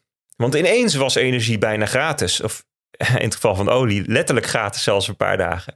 En um, uh, uh, waren er ineens allerlei verstoringen van transport en logistiek. En waren allemaal incidentele dingen waar, die in waarvan je inderdaad kunt zeggen dat ze van aard transitory zijn. Um, maar, maar er waren al bewegingen bezig die we even niet gezien hebben en die nu ineens heel hard duidelijk terugkomen. En de vraag is, over een paar jaar is het nou weg? Is het nou weer terug? Zijn we weer terug in 2015? Of gaan we een heel nieuwe tijd in? Die gesprekken zie je nu een beetje ontstaan. En ik denk, als we heel eerlijk zijn, dat we moeten zeggen dat een aantal dingen die de afgelopen 20, 30 jaar steeds goedkoper werden, of heel goedkope waren, zelfs bijna gratis, dat dat voorbij is. Goedkope energie. Energie was echt ontzettend goedkoop. Um, dat gaat jarenlang, zeker in Europa, weg zijn. We zullen, elk land gaat nadenken over zijn, zijn energy security, hè, zeg je dan, je soevereiniteit op gebied van energie. Um, energietransitie, um, hè, want overal is er zon, terwijl er niet overal gas in de grond zit. Um, uh, uh, kernenergie, nukes bouwen, kerncentrales gaan, gaan, we, gaan we eigenlijk overal in de wereld, denk ik, bouwen. Infrastructuur aanleggen. Energie wordt niet meer zo snel goedkoop. Ik denk uiteindelijk over, over 10, 15 jaar dat energie veel goedkoper is dan nu en dan goedkoper dan het was. En het zou er zo kunnen dat we een tijd van echt grote overvloed aan energie in, uh, dat we daar naartoe gaan. Als je kijkt naar hoe um, uh, technologie zich ontwikkelt, de wet van Wright, de mate waarin dingen goedkoper worden, batterijtechniek, um, um, hernieuwbare techniek, uh, dus, dus, dus, opslag van energie en, en, het, en het produceren van energie. Daar zit nog zo ongelooflijk veel verdubbelingen in. Ik zou me niets verbazen als dat over, over 10, 15, 20 jaar energie eigenlijk nooit überhaupt geen issue meer is, nergens op de wereld. Maar in de tussentijd zal duur zijn. Grondstoffen. Tweede, um, de wereldhandel was open en vrij en goedkoop. Hè. Heffingen, weinig uh, barrières. Die worden nu overal opgeworpen. En er zijn ook gewoon uh, producenten van grondstoffen uh, weggevallen door de oorlog, door um, barrières en dat soort dingen. Arbeid. We hebben jaren gezien van arbeid die goedkoper werd. En dat kon door arbitrage. Dus dat, dat je het op de plek ging produceren waar de arbeid goedkoopst was. Dat kwam ook door dat eh, die arbitrage kon, werd ook mogelijk door internet. Dingen die konden op afstand gedaan worden. Neem maar iets eenvoudigs als uh, service desks in India of zo, weet je wel. Dat is natuurlijk in Nederland niet zo'n ding, omdat wij Nederlands praten. Maar in Amerika is dat wel, omdat ze in India ook Engels praten. Dat soort dingen. Eh, eh, daar, daaraan vast is een beetje de deglobaliseringsvraag. Hè? Dus uh, Zoltan Pozar, dat is die, die analist van Credit Suisse, die zegt van ja, de tijd van globalisering ligt achter ons en we gaan nu een periode van deglobalisering. Mensen gaan uh, dingen terugbrengen naar eigen bodem. Hij noemt dan vier aspecten. Reshore, hè? dus tegenover offshore staat dat, dus dingen terugbrengen naar je eigen grondgebied, productie. Rewire, het gaat over opnieuw infrastructuur aanleggen die nodig is, bijvoorbeeld voor de energietransitie restock. Betekent weer opnieuw voorraden gaan aanhouden en minder afhankelijk zijn van uh, just in time. En rearm. dus weer jezelf gaan bewapenen. Want er zijn natuurlijk zo ontzettend veel landen ja, die kunnen nog geen duif uit de lucht schieten als het nodig is. Hè? En die zullen dat ook weer gaan doen. Nou, Nederland binnenkort dus wel weer. Want we hebben artilleriesystemen besteld. Hè? En luchtafweergeschut. Dus die duiven en ganzen, die moeten we... Ja, kamikaze ganzen worden in Nederland vanaf volgend, eind volgend jaar gewoon weer netjes uit de lucht geschoten. Bert. Nee, maar overal in de wereld wordt gekeken. Ik bedoel, Duitsland heeft echt een gigantische stap gemaakt in het budget wat ze voor defensie hebben. Ehm, en dat zijn allemaal, dit zijn, al deze vier dingen zijn uh, inflatieverhogend. Hè? Dus die kosten geld. dus, dus dingen worden daar, uh, dus de, goed, de, goed, de goedkope uh, dingen die goedkoop waren, die zullen duurder worden. Handel en logistiek natuurlijk, daar hebben we het net al over gehad. Geld. Geld was ook goedkoop bijna gratis voor sommige partijen. Sterker nog, er waren partijen, namelijk sommige landen die, en ook sommige bedrijven, die konden tegen negatieve rente, die kregen dus geld om geld aan te nemen, zal ik maar zeggen. Al deze aspecten worden duurder. dus dat betekent um, dat de kans klein is dat die inflatie uit zichzelf weer even naar 0% terugvalt, of 1% of 2%. En dat is interessant. Als je nu Um, kijk naar de inflatie, hoe die zich ontwikkelt. Ik pak even Verenigde Staten erbij. Vorige week hadden we de inflatiecijfers even hoog over behandeld. Maar als je ze, um, als je, ze helemaal ontleedt, dan zie je dat, dat heel veel aspecten van, van, van, van het mandje waar we naar kijken al goedkoper aan het worden zijn. Bijvoorbeeld vrachtkosten. Die zijn omlaag aan het gaan. Dus ik pak nu even een aantal dingen waar je ook leading indicators voor hebt. Die een aantal maanden vooruitkijken en zich later um, uh, zichtbaar worden in zo'n CPI. Vrachtkosten zijn wereldwijd al enorm omlaag aan het gaan. China, Verenigde Staten. Voedselprijzen. Uh, de, de United Nations Food Price Index daalt alweer stevig. Um, nou, dat komt meestal een maand of vier, vijf later in de CPI's terecht. Uh, energie, ook interessante. Energie is natuurlijk nog duur, wel. Hè, maar um, de jaar-op-jaar effecten gaan verdwijnen. De, de kosten van olie zijn nu even, de prijs van olie is nu even hoog als op 1 november vorig jaar. dus, dus als het zo blijft, dan hebben we straks dat, dat, dat olie helemaal uit de inflatie weg is. Nou ja, dan gaan we straks in februari komen. Toen de oorlog begon en al die energiekosten ook in één keer een schok omhoog kregen ja, als het dan op deze, het huidige niveau zit, dan krijgen we dat, dat energie negatief bijdraagt aan de CPI. Dus energie, dat gaat in de komende half jaar um, uh, om, een neerwaartse druk geven op de inflatie. Loongroei lijkt te stagneren in de Verenigde Staten. Kijk even naar de VS. Detailhandel, daar zien we dat de voorraden stijgen. Um, dat meestal een vooruitzicht, hè, als de voorraden echt, echt stijgen, dat er, dat er kortingsacties gaan komen. Nou, natuurlijk negatief voor de inflatie, of hè, dus dalend. Um, bedrijven hebben, uh, er wordt altijd met surveys gekeken, die hebben um, steeds minder prijsverhogingsplannen. Blijkbaar staan dingen onder druk. Het is ook een maand of zes dat dat in de toekomst kijkt. dus je ziet allerlei tekenen dat die inflatie wel zal gaan dalen. Maar waar komt die terecht? Dat is de vraag waar komt hij dan weer? Gaat hij dan automatisch weer terug naar onder de 2%, waar we altijd elk, elk, eh, heel lang zaten en elke keer moeite moesten doen om, om iets omhoog te krijgen? Dat was het idee van de, van de centrale banken. Of gaat het niet meer gebeuren door die, die, die redenen die ik net noemde? En wat gaan centrale banken dan doen? Gaan ze dan net zo lang door tot het wel op? Bedoel, gaan ze de wereld in een achterlijk diepe depressie brengen en alles slopen om maar op die 2% te komen? Of um, gaan overheden ingrijpen en gaan overheden. Um, waar, wat we nu al een beetje zien en waar het IMF voor waarschuwt, dat de centrale banken te rem trappen en dat overheden gas geven tegelijk. Gaat dat gebeuren? Of gaan we dan straks het inflatiedoelstelling veranderen van 2% naar 3% naar 4%, zodat het wel in orde is? Ja, dat zijn interessante vragen. Dit is wat we het komende half jaar Ehm, denk ik, het meer over moeten gaan hebben. Het gaan, gaan zien, deze uh, discussie. Um, en het heeft wel effect op wat de Fed gaat doen. Hè? Want die zitten nu nog gewoon in de modus. Joh, die inflatie moet omlaag en wij gaan verhogen. Dus die verhogingen die gaan ook wel komen. Zijn ook ingeprijsd door de markt. Het is nu op 3,25 procent. En dat moet naar een kleine 5 procent. Nou ja, nog, nog um, één keer 75 en één keer 50 basispunten. En je zit al op 4,5. Dan ben je er bijna, zal ik maar zeggen. dus dat, dat stukje, dat, dat, dat ligt voor de hand dat dat gaat gebeuren in de komende twee maanden, november, december. Maar dan stoppen we dan met verhogen? Komt er een pauze? Ehm, eh, vinden we het goed genoeg? Hè? Dat heeft natuurlijk al een beetje aangekondigd. Maar ja, er komt een moment dat we op pauze gaan, dat we het even gaan afwachten, dat we even gaan kijken wat het effect is van ons beleid. Nou, dus ik zou zeggen, de komende zes maanden, neem ik het even ruim, misschien is het ietsjes minder, maar laten we even zes maanden aanhouden, uh, moeten dit soort dingen zich uitspelen. En hoeven we eigenlijk niet te verwachten dat er hele spectaculaire verbeteringen van de financiële markten gaan plaatsvinden. Um, dat is gewoon de tijd dat de, deze bearmarkt nog in ieder geval duurt. dus dat is, dat is denk ik gewoon het. Um, als je er nuchter naar kijkt, het meest waarschijnlijk. En dan kan zo'n bearmarkt natuurlijk nog allerlei vormen aannemen. Dingen kunnen onordelijk worden. En uh, hoe noemde de, de, Nederlandse bank het nou? een, een abrupte, abrupte verandering in de koersen. Nou ja, crashes, dat zou kunnen. Capitulatie hebben we bij de aandelen nog niet gezien. Wij, wij, wij noemen dat dumps. dumps, ja, ja, precies. nou ja, laten we het daar dan als laatste heel even over hebben.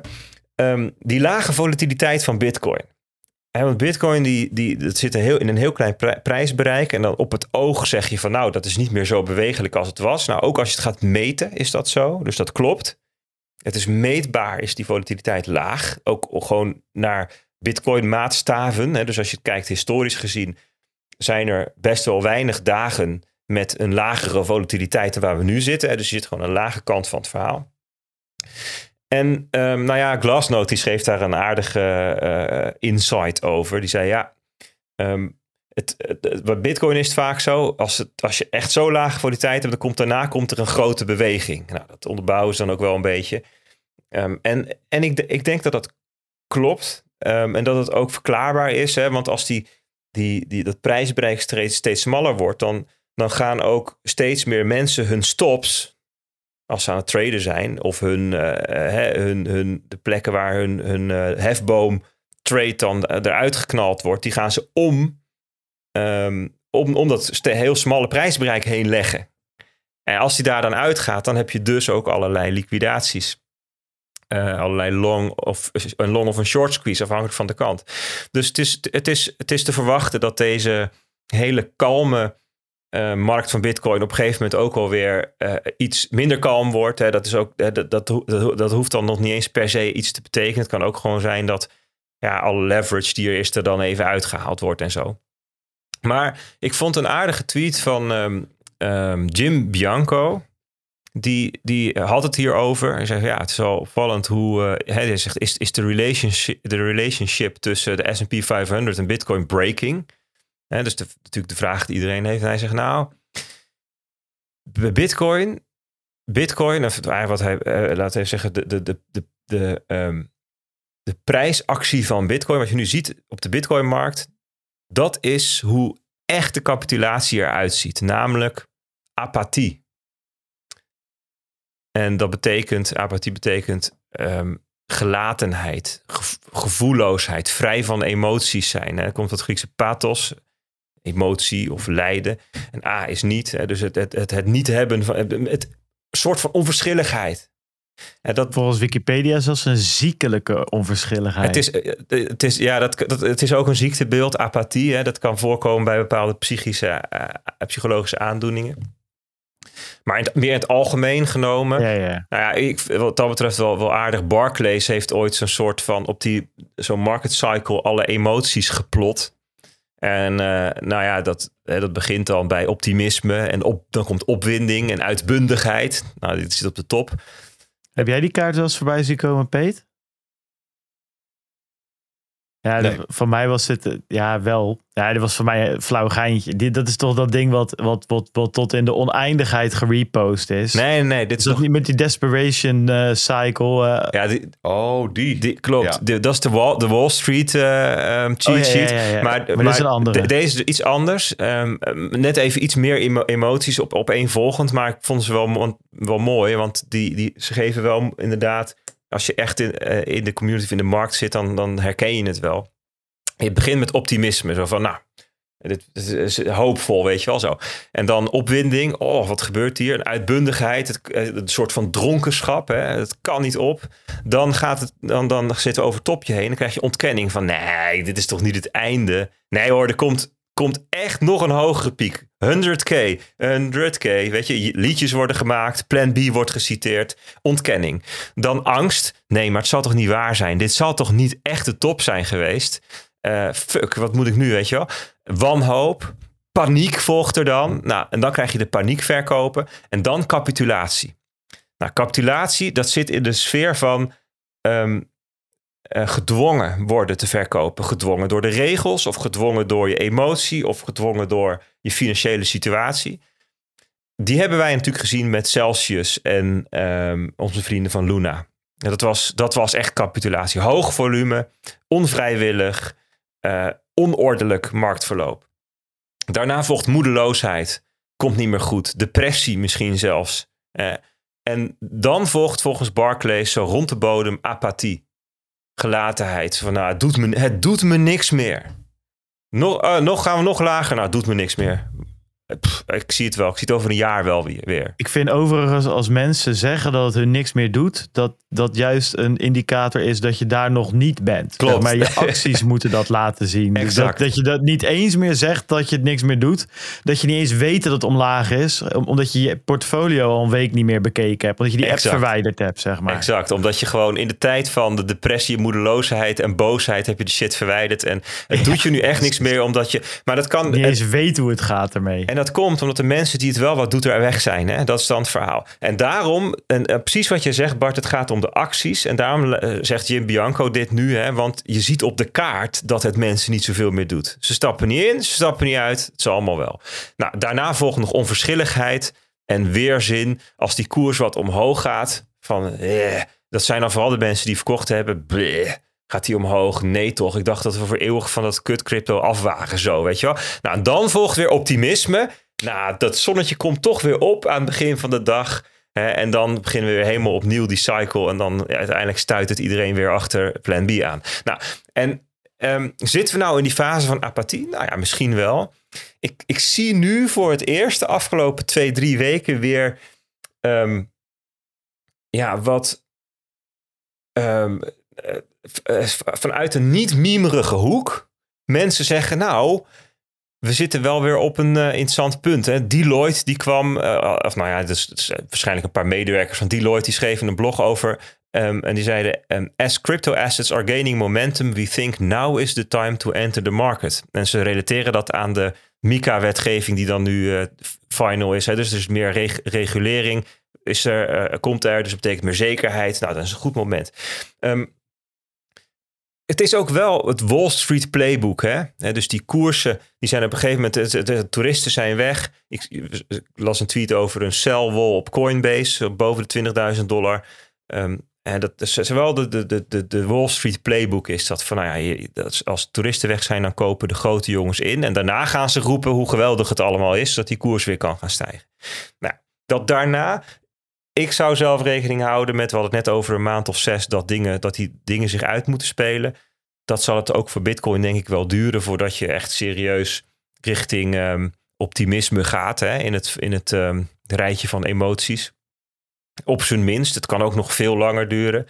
Um, uh, dus ja, weet je, misschien uh, gaan we lekker allerlei toffe dingen maken en bouwen en zo. Want, uh, of DCA'en.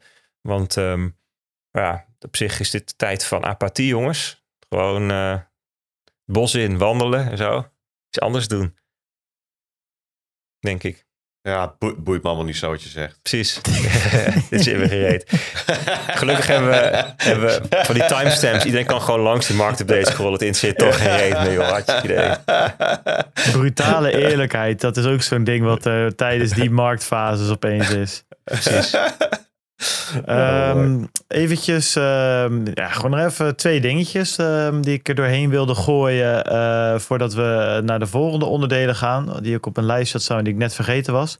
Mocht je nou echt wat vets willen zien, dan moet je even kijken naar de YouTube video die NASA gisteren heeft geüpload. Die hebben namelijk een, uh, een nog scherpere foto gemaakt van de Pillars of Creation. Nou, als je jezelf echt even klein en, en nietig wil voelen, dan uh, moet je dat even bekijken. Het is echt ontiegelijk vet. Wat ook ontiegelijk vet is en wat meer on topic, wat echt eventjes een, um, een uh, benoeming uh, waard is, is ja, de, de, de tekening eigenlijk, uh, uh, waar Follow the Money de afgelopen twee jaar aan heeft zitten tekenen en schrijven en weet ik het allemaal. Het is een soort, ze noemen het het waterwerk van ons geld. Nou, het is niet normaal. Je moet naar ftm.nl gaan slash waterwerk. Volgens mij is het ook gewoon gratis te checken. Althans, het is al twee dagen oud en het is nog steeds open. Dus daar ga ik dan even vanuit. Ja, het is niet normaal, jongen. Ik ga die poster ook bestellen, denk ik. Want het is echt... Ja, het is een soort van uh, steampunk-achtige fabriek die ons geldstelsel moet voorstellen. Dus een waterwerk. Ja, en geld is water. En nou, alleen het, of het feitelijk klopt, dat zal, dat zal me verder een worst wezen, omdat het er zo vet uitziet. En uh, eh, FTM kennende zal het feitelijk ook nog eens kloppen, zeg maar. Dus ik vind dit echt. Thomas Bolle heeft gedaan. aangewerkt en Martijn van der Linden. Dus dat zijn ook mensen die wel. Uh... Uh, dus die derde, dat is wel even netjes om die ook even te noemen. Uh, ja, die dame. Kingma, dat, dat is dan degene die 10.000 uur heeft zitten tekenen om die kaart uh, te maken. Ja, ja maar ik noem, ik noem Martijn van der Linden bijvoorbeeld even expliciet, omdat hij natuurlijk als lector New Finance aan de Haagse Hogeschool is het zijn werk om het te, te laten kloppen. zeg maar, het zijn expertise om het te laten kloppen. Dus dat, ja, dat geloof ik ook. Zeker. Ik vond wel een leuke opmerking op Twitter van iemand die ook onder de indruk was overigens, maar zei van nou het enige um, wat waar je vraagtekens bij kunt stellen is dat ze um, uh, het water gebruiken als metafoor voor geld. Want in het echt kan geld uit het niets gecreëerd worden. En water heeft natuurlijk nog een bepaalde natuurkundige beperking of zo. Dat, dat heeft nog een soort van fysiek iets. Terwijl geld is niet meer fysiek. Geld is gewoon virtueel fictief geworden. Dus het, ze doen eigenlijk geld nog te veel eer aan door het als water uh, weer te geven. Ja, ja, voor mij zei Patrick van der Meijden dat. Oké, ja. Ja, goed, dat blijft natuurlijk altijd een beetje houden met um, vergelijkingen. Ja, eens, maar ik vond nog wel een leuke, leuke observatie. Ja, nee, ik had er zelf niet aan gedacht. Nee. Oh, ja. Zeker, ja. En het is sick, jongen. Je kan inzoomen op die plaat. Het is echt zo gaaf. Ja, ik word hier als, ja, als wat, ik weet niet, gewoon als liefhebber van mooie dingen heel, heel erg blij van. Omdat het zo gedetailleerd is. Het is niet normaal wat hiervoor vakwerk en handwerk en creativiteit in zit in die plaat. Dat is echt, ja, echt ongekend. Dus ga checken. FTM uh, eh, slash waterwerk. Gaan wij door um, naar... Uh, ja, we hebben weer even gebeld deze week. Dat gaat gewoon door. Uh, dat was weer een leuk gesprek. Dus deze week bellen we eventjes met... Christian Jimmink, Head of Marketing Coinmers. Hij is er weer hoor. Chris, ja, door de jaren heen is hij toch al lekker vaak de gast geweest. En nu is hij er weer. Ja, bij Coimers, uh, bij nu aan de slag. Gaan we het zo natuurlijk eventjes uh, even over hebben. Maar ik vond het ook leuk om je tegen te komen afgelopen week op uh, Bitcoin Amsterdam. En ik was eigenlijk wel heel benieuwd, Chris. Je hebt er natuurlijk ook gewoon volgens mij minimaal een volle dag rondgelopen. Um, wat vond je ervan? Hoe heb je het ervaren? Ja, ik vond het gaaf. Ik vond vooral de opzet die ze hadden, vond ik heel gaaf. veel ruimte. Je had echt gewoon een hele duidelijke expo-ruimte. Uh, ik vond het wel een beetje tegenvallen de, de, de Nederlandse bedrijven. Uh, er waren wel wat, maar ik had meer verwacht. Uh, goede duidelijke bar waar jullie natuurlijk het podium hadden. en een nou ja, grote aparte ruimte waar genoeg ruimte was voor de mensen om naar de, naar de talks en panels te luisteren. Maar wat me wel opvalt, opviel, ik ben al zelf donderdag geweest. Super veel mensen tegengekomen. En dat was wel echt heel gaaf. En op een gegeven moment ook wel echt de, de grappen die gemaakt werden van uh, uh, nou ja, de harde kern. Uh, hè, we deden vroeger natuurlijk altijd onze eigen meetups. Maar die waren eigenlijk allemaal aanwezig. Ja, ja, en jij bent er, waar ik nou wel benieuwd naar ben. Want kijk, ik ervaar, ik ervaar die conferentie op mijn manier. Omdat we daar natuurlijk aan het podcasten waren. En onze eigen stand hebben. En voor ons is het eigenlijk één grote meetup. Hè? Dus ja, ik heb eigenlijk heel weinig dingen kunnen volgen. Omdat ik eigenlijk alleen maar bezig was om, uh, om iedereen te woord te staan. Om dingen op te nemen en dingen te filmen en content te maken. Dat is een beetje mijn rol, hoe, hoe ik daar dan ben. Ja. ja, ik bedoel, jij komt daar natuurlijk ook niet alleen maar om, om lol te maken. Dus ik ben benieuwd met wat voor, uh, ja, wat, wat voor dingen wil je nou ophalen op zo'n conferentie? Hè? Als je in de auto daar naartoe zit, wat denk je van, nou, mijn dag is nou geslaagd als ik dit, dit en dit gedaan heb? Ja. ja, dat is een goede vraag. Op het moment uh, als ik naar een conferentie ga, dan wil ik sowieso bier drinken. Nee, nee gekkigheid. Nee, Met Lightning, Chris. Is dat nou gelukt uiteindelijk? Ja, toch? Voor mij hebben we wel een walletje Zeker. aangemaakt, toch? Ja, toch? We hebben ja. een biertje gedaan, zeker weten. ja. Ehm, nee, wat wil ik eruit halen? Kijk, eh, dat klinkt misschien stom, maar de panels en eh, talks, daar heb ik altijd net even iets minder mee. Daarvoor ga ik niet speciaal naar een conferentie. Waarvoor ik naar een conferentie ga, is echt de sociale contacten. Eh, dus de partners die we hebben, maar ook het netwerk in Nederland en Europa. eh, die je eigenlijk alleen maar heel vaak via telefoon spreekt of videocalls. Die, waar je nu gewoon even lekker de tijd mee eh, voor kan nemen en gewoon weer eventjes bijpraten. En dan merk je altijd heel vaak dat er weer dingen uitkomen. Dat is toch heel gek. Ja. Ook al bel je vaak met elkaar, dan het is minder persoonlijk. En dan is het voor mij echt wel een geslaagde conferentie. En uiteindelijk ook zeker om gewoon alles weer eventjes onder de aandacht te brengen. En dan merk je vaak van oké, hier is eventjes een samenwerking. Daar gaan we een leuke actie doen. Eh, ik had nu bijvoorbeeld eh, eh, nou ja, met Dusk. Ja. Met, met Jessica, die was er ook. Superleuk gesprek gehad. Zij gaf ook even aan, nou ja, hè, Dusk is te koop op, op Coinmerce dan. Nou ja, de teksten kunnen misschien even wat anders. En dan kunnen we het weer onder de aandacht brengen. En dat is echt wel, eh, nou ja, die Nederlandse partijen bij elkaar waar ik dan naar op zoek ben. Ja, precies. En is het dan alleen met, met, met Dusk is natuurlijk een, eh, een blockchain project dat al een paar jaar bezig is. Je- Jelle Pol hebben we vaak zat in de, Ja. in, in de uitzending gehad. Ehm, maar ik ben ook, eh, en, en, en bijvoorbeeld met, met de andere brokers en exchanges, eh, hoe, hoe is de sfeer er daar? Dus ik bedoel, ja, natuurlijk, je bent concurrenten van elkaar. Dus ik snap dat je niet, je gaat niet de strategische plannen over tafel gooien. Maar wordt er ook wel eens een biertje gedronken op zo'n conferentie? Zeker. Ik ben eigenlijk, nou dat weet je ook wel van mij, ik ben altijd wel iemand die, eh, die zeker houdt van een kopje koffie of een drankje of, eh, of wat dan ook.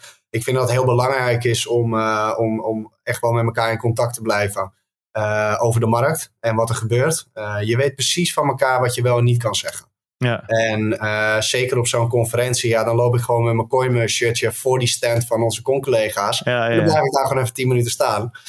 En dan, eh, nee, En dan hoor, kijk je heel boos of ga je wel, eh, wel een praatje Nee, helemaal niet. Nee, maar we doen zeker een praatje. Precies, en eh, er wordt ook regelmatig, heb ik echt wel gewoon of een, of een lunch of een drankje met een van mijn con-collega's. Ja. Het is belangrijk. Kijk, de, de, de vijf is groot genoeg. En er is ook nog ontzettend veel potentie. Ehm, dus het is helemaal niet nodig om op die manier negatief met elkaar om te gaan. Nee, precies. Hey, en ehm, eh, ja, wij spreken elkaar natuurlijk ook vaker. En ik weet wel, de vorige keer dat we elkaar spraken, toen had je het over, ik weet niet meer wat voor conferentie, maar je bent vaker op conferenties geweest. En Ja. dit was natuurlijk echt een Bitcoin, Bitcoin-only conferentie. Ja. Er zijn natuurlijk ook conferenties over blockchain, conferenties over crypto's, conferenties over NFT's, conferenties over digital currencies. Noem maar op, je kan zo gek niet bedenken. Ja, waar ben jij overal nou eigenlijk geweest? Maar ook van hoe, hoe kan je dat ja, vergelijk het eens, zeg maar. Hoe voelde deze eerste Bitcoin-conferentie in Nederland nou ten opzichte van de andere dingen die jij al, eh, al meegemaakt hebt eh, die je, en bezocht hebt? Nou, in eerste instantie eh, eh, twee dingen. Kijk, dit was mijn eerste echte Bitcoin-conferentie. Ja, Ehm, en ten tweede, ik ben wel ontzettend trots dat deze Bitcoin-conferentie naar Nederland is gekomen. Wat wij hier sowieso allemaal neerzetten in Nederland met z'n allen, dat is natuurlijk vrij uniek. En dat je dan zo'n event hier hebt, dat is, dat is super tof. Ehm, waar ik een beetje aan moest wennen. eh, goed, ik ben naar Parijs geweest, zowel de Paris Blockchain Week als de Summit. ja, eh, eh, Barcelona Blockchain Convention, Berlijn. En dat zijn altijd wel events waar eigenlijk alles welkom is, alles en iedereen. En daar zie je natuurlijk ook wel, met alle respect, een heleboel ehm, rommel, mag ik dat zo zeggen? Eh, ehm, ja, en, maar je ziet ook alle grote namen. Eh, en dat is wel wat ik ja, het leukste vind. Weet je wel, de reuring. Eh, ik was in, eh, in Parijs de laatste keer, dat was in juli. Ja, daar staat CZ gewoon. Heb echt medelijden met die man. Die moet daar gewoon een half uur gaan staan. Er wordt een rij gevormd. En, en iedereen mag dan eventjes een selfie met hem maken. Maar dat is wel wat, wat mensen er naartoe brengt. En, en dat merkte ik wel. Het is natuurlijk en door regelgeving in Nederland dat er veel sponsoren niet mochten komen. Uh, maar ook dat, uh, uh, dat het puur Bitcoin is. Ja, ja gemixte gevoelens. Want het Ja. is wel leuk om bij zo'n conventie alles te hebben. maar merk je dat dan ook in de sfeer? Of, of is dat meer gewoon dat je ja, in jouw ogen gewoon een gedeelte van het wereldje mist eigenlijk? Nou, ik weet niet zozeer of ik dat in de sfeer miste. Want de sfeer was echt wel goed. Uh, alleen heerst erbij, tenminste dat is mijn uh, uh, gedachte, er heerst veel bij de Bitcoin community natuurlijk. Oké, het is Bitcoin en altcoins bestaan niet. Mm -hmm. dus dat, ja, goed. Ik denk dat dat meer bij mezelf ligt. Dat ik het gewoon leuk vind om van alle facetten praatjes te kunnen maken. Ja. En opnieuw op de hoogte te kunnen komen van bepaalde dingen. Ja, got it. Hey, daar wilde ik het nog even hebben um, over Coimers in ieder geval. Jij bent er natuurlijk, uh, nou, ik denk wel, bijna al wel een halfjaartje bezig. Ik, uh, ja, ja zoiets. Ja, zoiets. Ja, hoe gaat het? En, en ik ben ook wel benieuwd. Ja, ik bedoel, je hebt natuurlijk, je bent marketing. Uh, wat zijn nou? Marketing director. Wat had je zelf voor, voor, voor, voor prachtige naam gegeven? Ja, ja. maar vooral verantwoordelijk voor de marketing natuurlijk. Dus ik ben wel benieuwd van ja, hoe, hoe zetten jullie Coinmers in de markt? Want ja, wat je zegt, we hebben een vrij unieke situatie in Nederland. Veel brokers, veel exchanges, allemaal bedrijven die ermee bezig zijn en toch een bepaalde overlap met elkaar hebben. Hoe zie, hoe zie, hoe zie jij jullie stukje van de taart uh, voor je en hoe probeer je dat een beetje naar buiten te brengen? Ja, nou, dat is, uh, dat is een goede vraag. Uh, kijk, we hebben inderdaad een uniek landschap in Nederland. We hebben ontzettend veel brokers en, en exchanges. Tenminste, exchange op dit moment nog één. Uh, maar ik weet dat de focus ligt bij bepaalde brokers om die switch te maken. Uh, en uh, ja, die zijn gewoon ontzettend lang bezig, ook in Nederland uh, en België, om de markt te veroveren. Nou, dat heb ik natuurlijk ook bij, me, bij het bedrijf waar ik hiervoor heb gewerkt gedaan. Uh, en Coinmers is, heeft voornamelijk veel gefocust op Duits sprekende landen. Ehm, nou ja, daar is toen op een gegeven moment, daar waren ze best wel groot. Uh, daar zijn we nog steeds uh, uh, relatief aanwezig. Alleen daar mogen we door restricties en licenties en registraties, mogen we daar geen marketinguitingen mee doen. Zeker in Duitsland niet, want die is echt gigantisch streng. Um, maar dus daar ben je mee bezig om die registraties te krijgen? Of is dat... Ja, precies. Ja, precies. zeker. En Duitsland is niet het enige. we zijn ook bezig met Frankrijk, Spanje en nog een aantal. maar iedereen heeft natuurlijk zijn focuslanden. Ja. Um, maar goed, kijk, wij, wij hebben nu gezegd uh, van wij gaan onze basis terugbrengen naar Nederland en België. Uh, en dat is natuurlijk lastig als alle andere bedrijven daar al vijf jaar lang op hebben gefocust. Uh, en wat wij nu aan het doen zijn, we zijn voornamelijk gewoon nou ja, de, de, afgelopen vier maanden en de aankomende twee maanden, dus in principe het eerste half jaar dat ik hier werk, zijn we voornamelijk bezig met het verbeteren van het platform. Uh, dus denk aan uh, design, customer journey, maar ook interne processen. Uh, en dat gaat, dat gaat goed. het is een beermarket, maar we zijn zeker nou ja, team aan het uitbreiden. Hoeveel, we, met hoeveel zitten jullie daar? Nou, wij zitten nu met 33 man. Ja, ja, ja. En we willen aan het eind van het jaar zeker wel naar de 40 man groeien. Ja, precies. dus de beermarkt is voor ons ook geen probleem dit is juist het moment om alles recht te trekken en uh, klaar te staan voor de volgende uh, nou ja, boel. Ja. Um, we blijven positief, we houden de hoop erin. Zeker. En uh, nou ja, vanaf wij gaan, we hebben een bepaalde strategie voor ogen voor 2023. Ja, en daar gaan we gewoon aan vasthouden. En dan willen we ook gewoon mensen op een positieve manier een stukje educatie, maar ook bepaalde partners die we hebben ja, willen we positief naar buiten treden en vooral laten zien wat wij in huis hebben. En ja, uh, ja goed, Coinmerce is gewoon een ontzettend mooi platform waar, waar heel veel mogelijk is en wat heel makkelijk is om te gebruiken. Ja, en dat willen we graag, uh, daar willen we een draagvlak voor creëren in Nederland en België. Ja, duidelijk. Nou ja, top. Laten we dat gewoon um, uh, ja, binnenkort weer eens uh, even bijpraten hoe dat, dan, uh, hoe dat zich gaat ontvouwen. Hopelijk kunnen we dat dan doen als het weer een bullmarket is. Kunnen we eens kijken of die systemen bij jullie echt zo stabiel, stabiel en rigide zijn, zoals jij zegt.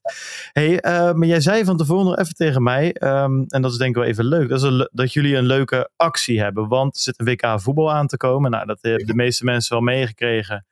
Uh, omdat het, uh, er wordt in Qatar gespeeld volgens mij natuurlijk, midden in de winter. Nou goed, als je daarover wilt discussiëren, verwijs ik je door naar een voetbalpodcast. Daar zal het nog meer dan voldoende omgaan. Ja. Uh, maar goed, het gaat gespeeld worden. En jullie hebben een, een, een, actie waar je kaarten kan winnen om een van de wedstrijden van het Nederlands elftal bij te wonen, neem ik aan dan? Of, of... Ja, nou, meer dan dat zelfs. Ja. we wilden natuurlijk, we wilden, nou ja, mensen, wat ik net al zei, mensen kennis laten maken met ons platform. Dus we dachten, wat is nou het ideale uh, manier om, uh, om, om mensen toch een kijkje te laten nemen bij ons? nou ja, wij geven eh, twee keer eh, twee pakketten weg voor twee personen eh, naar Qatar. Ehm, daar krijg je eh, drie wedstrijden van Nederland. Zo. Dus alle drie de groepswedstrijden. 13 overnachtingen en eh, je hotel en vliegreis. Alles is inclusief. Eh, dus je hoeft eigenlijk alleen maar een stukje eigen zakgeld mee te nemen. Ehm, en naast die drie wedstrijden En krijg een je goed humeur. en, eh, ja, precies. en eh, naast die drie wedstrijden krijg je zelfs nog een verrassingswedstrijd. Eh, dus een vierde random wedstrijd krijg je Ja, er nog ja, ja. bij. Dus het is echt een volledig, volledig pakket. Ja, klinkt, eh, klinkt sick, moet ik Ja, zeggen. super gaaf. Ja, helaas zijn alle personeelsleden van Coinbase uitgesloten. Dus ik maak zelf geen kans. Gesponsorde podcast ook, neem ik aan. Mogen wij wel... eh, nee, partners mogen ook niet. nee, Helaas- precies, precies. helaas precies. niet. Nee, Ehm, dus eh, eh, nee, het is echt, eh, echt om eh, mensen kennis te laten Ja. maken. Kijk, en, eh, we hebben, ja, we, 23 oktober is de laatste dag en dan eh, gaan we de winnaar trekken. Ja, precies. En eh, hoe doe je mee? Door klant te worden, neem ik Ja, aan. door, door klant te worden. Iedereen die in de periode van 1 oktober tot en met 23 oktober eh, nieuw klant is geworden, die gaat eh, in de grote trommel. Ja, nou ja, dan eh, ben je nog precies op tijd als dit uitgezonden wordt. Dus als je dit hoort en je denkt van nou, die Chris die heeft mij wel overtuigd. eh, ja, neem dan een kijkje en dan ga je automatisch de grote tombola in. En wie weet win je wel een van deze twee eh, pakketten om onze Nederlandse boys aan te gaan moedigen op het, op het WK. Chris, thanks. Eh, goed je weer even gesproken te hebben. Sowieso goed je even gesproken te hebben op de beurs en een biertje gedronken te hebben was leuk.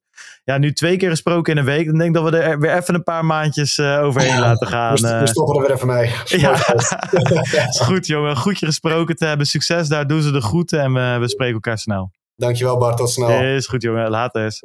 Ja, daar zijn we weer. Dat was Chris. Altijd leuk om even met Chris te praten. Hij was er ook, zoals we besproken hebben, op de beurs. Dus lekker een biertje gedronken en de volgende dag een bakje koffie. Altijd gezellig met onze Chris. hey, eh, we hebben ook nog wat nieuwtjes, jongens. Ehm, ja, je zal het niet verwachten, maar we zijn deze week weer echt gewoon weer terug.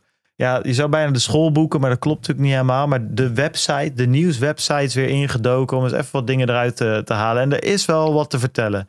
Peter, we gaan bij jou beginnen, want jij je hebt iets uit de, uit, de kast getrokken, uit het, een dossier opengetrokken. Daar ben ik toch wel erg benieuwd naar. Dus eh, Nou, eh, go ahead. Jij zegt, eh, we zijn de nieuwswebsites ingedoken.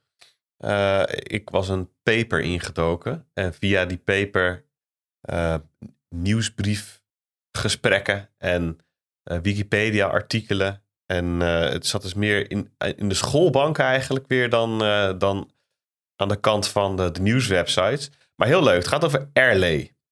En dat is een, beetje een verbastering van relay. En die term staat centraal in dit stukje. Ehm, er is namelijk twee, drie dagen geleden is er een nieuwe feature, eh, de Bitcoin code, ingemerged. Er is nieuwe code geland in de codebase van Bitcoin om het netwerk efficiënter te maken.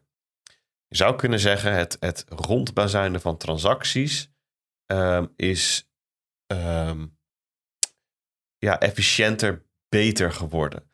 En eh, daar gaan we het even over hebben. Dat startte allemaal met een paper op 3 juni 2019 gepubliceerd. ehm, met drie auteurs eh, erboven. Gleb Naumenko, verbonden aan de Universiteit van British Columbia in Canada. Gregory Maxwell, eh, ex-Blockstream, nu onafhankelijk Bitcoin developer, cryptograaf. En Pieter Wuilen, nog steeds of nog in dienst bij Blockstream. Ehm, en in hun paper beschrijven ze Airlay. En Airlay heeft te maken met eh, de levenscyclus van Bitcoin-transacties. Om die even te doorlopen. Dat start met het aanmaken van een transactie en hem te ondertekenen. Vervolgens eh, wordt die doorgegeven aan andere nodes. Eh, die andere nodes die valideren de transactie. Een miner neemt hem op in een blok. Dat blok wordt doorgegeven en gevalideerd. Ehm, en daarna, en dat is eh, afhankelijk van je eigen voorkeur, hoe lang je daarop wacht, is de transactie bevestigd. Eh, eh, je hebt, als je, als je geen enkel blok na, nadat die is opgenomen in een blok door een miner wacht, is het een zero block confirmation. En je kunt natuurlijk net zo lang wachten tot je zelf denkt van nou, nu is het wel heel definitief. En noemen we de transactie bevestigd. Nou, en Airlay is gericht op die tweede processtap. Dus het gaat over het doorgeven van Is, transacties is, dat, eh, even- aan is, andere is, nodes. is dat zo? Dus als moet hij al door een miner zijn in een blok zijn gezet? En dan het pas is het een zero conf. Want ik weet dat Bitkassa daar... Nee, dat is... Of, of is het is Als die eerst mempool? Ja. Nee, de, de- volgens dit paper niet. Er is de mempool, als je kijkt naar de levenscyclus van een transactie die in dit paper wordt beschreven, zit de mempool ehm, op het punt voor de vierde stap. Dus hij is aangemaakt en ondertekend, doorgegeven aan andere nodes, gevalideerd door andere nodes. En op dat moment wacht hij om opgenomen te worden in een blok. En dat wachten, die wachtkamer noemen we de mempool. Maar daar is die toch al zero conf? Nee, niet dat ik weet. Hoezo is die zero... eh, Nee, de, de, de, de bevestiging van een, eh, een verwerkte transactie, dat, dat, dat is wat we de bevestiging noemen. Dan is die opgenomen in een blok. Maar als die, als, die in een eerst, als die in een blok zit, een valide blok, dan heb je toch één confirmation.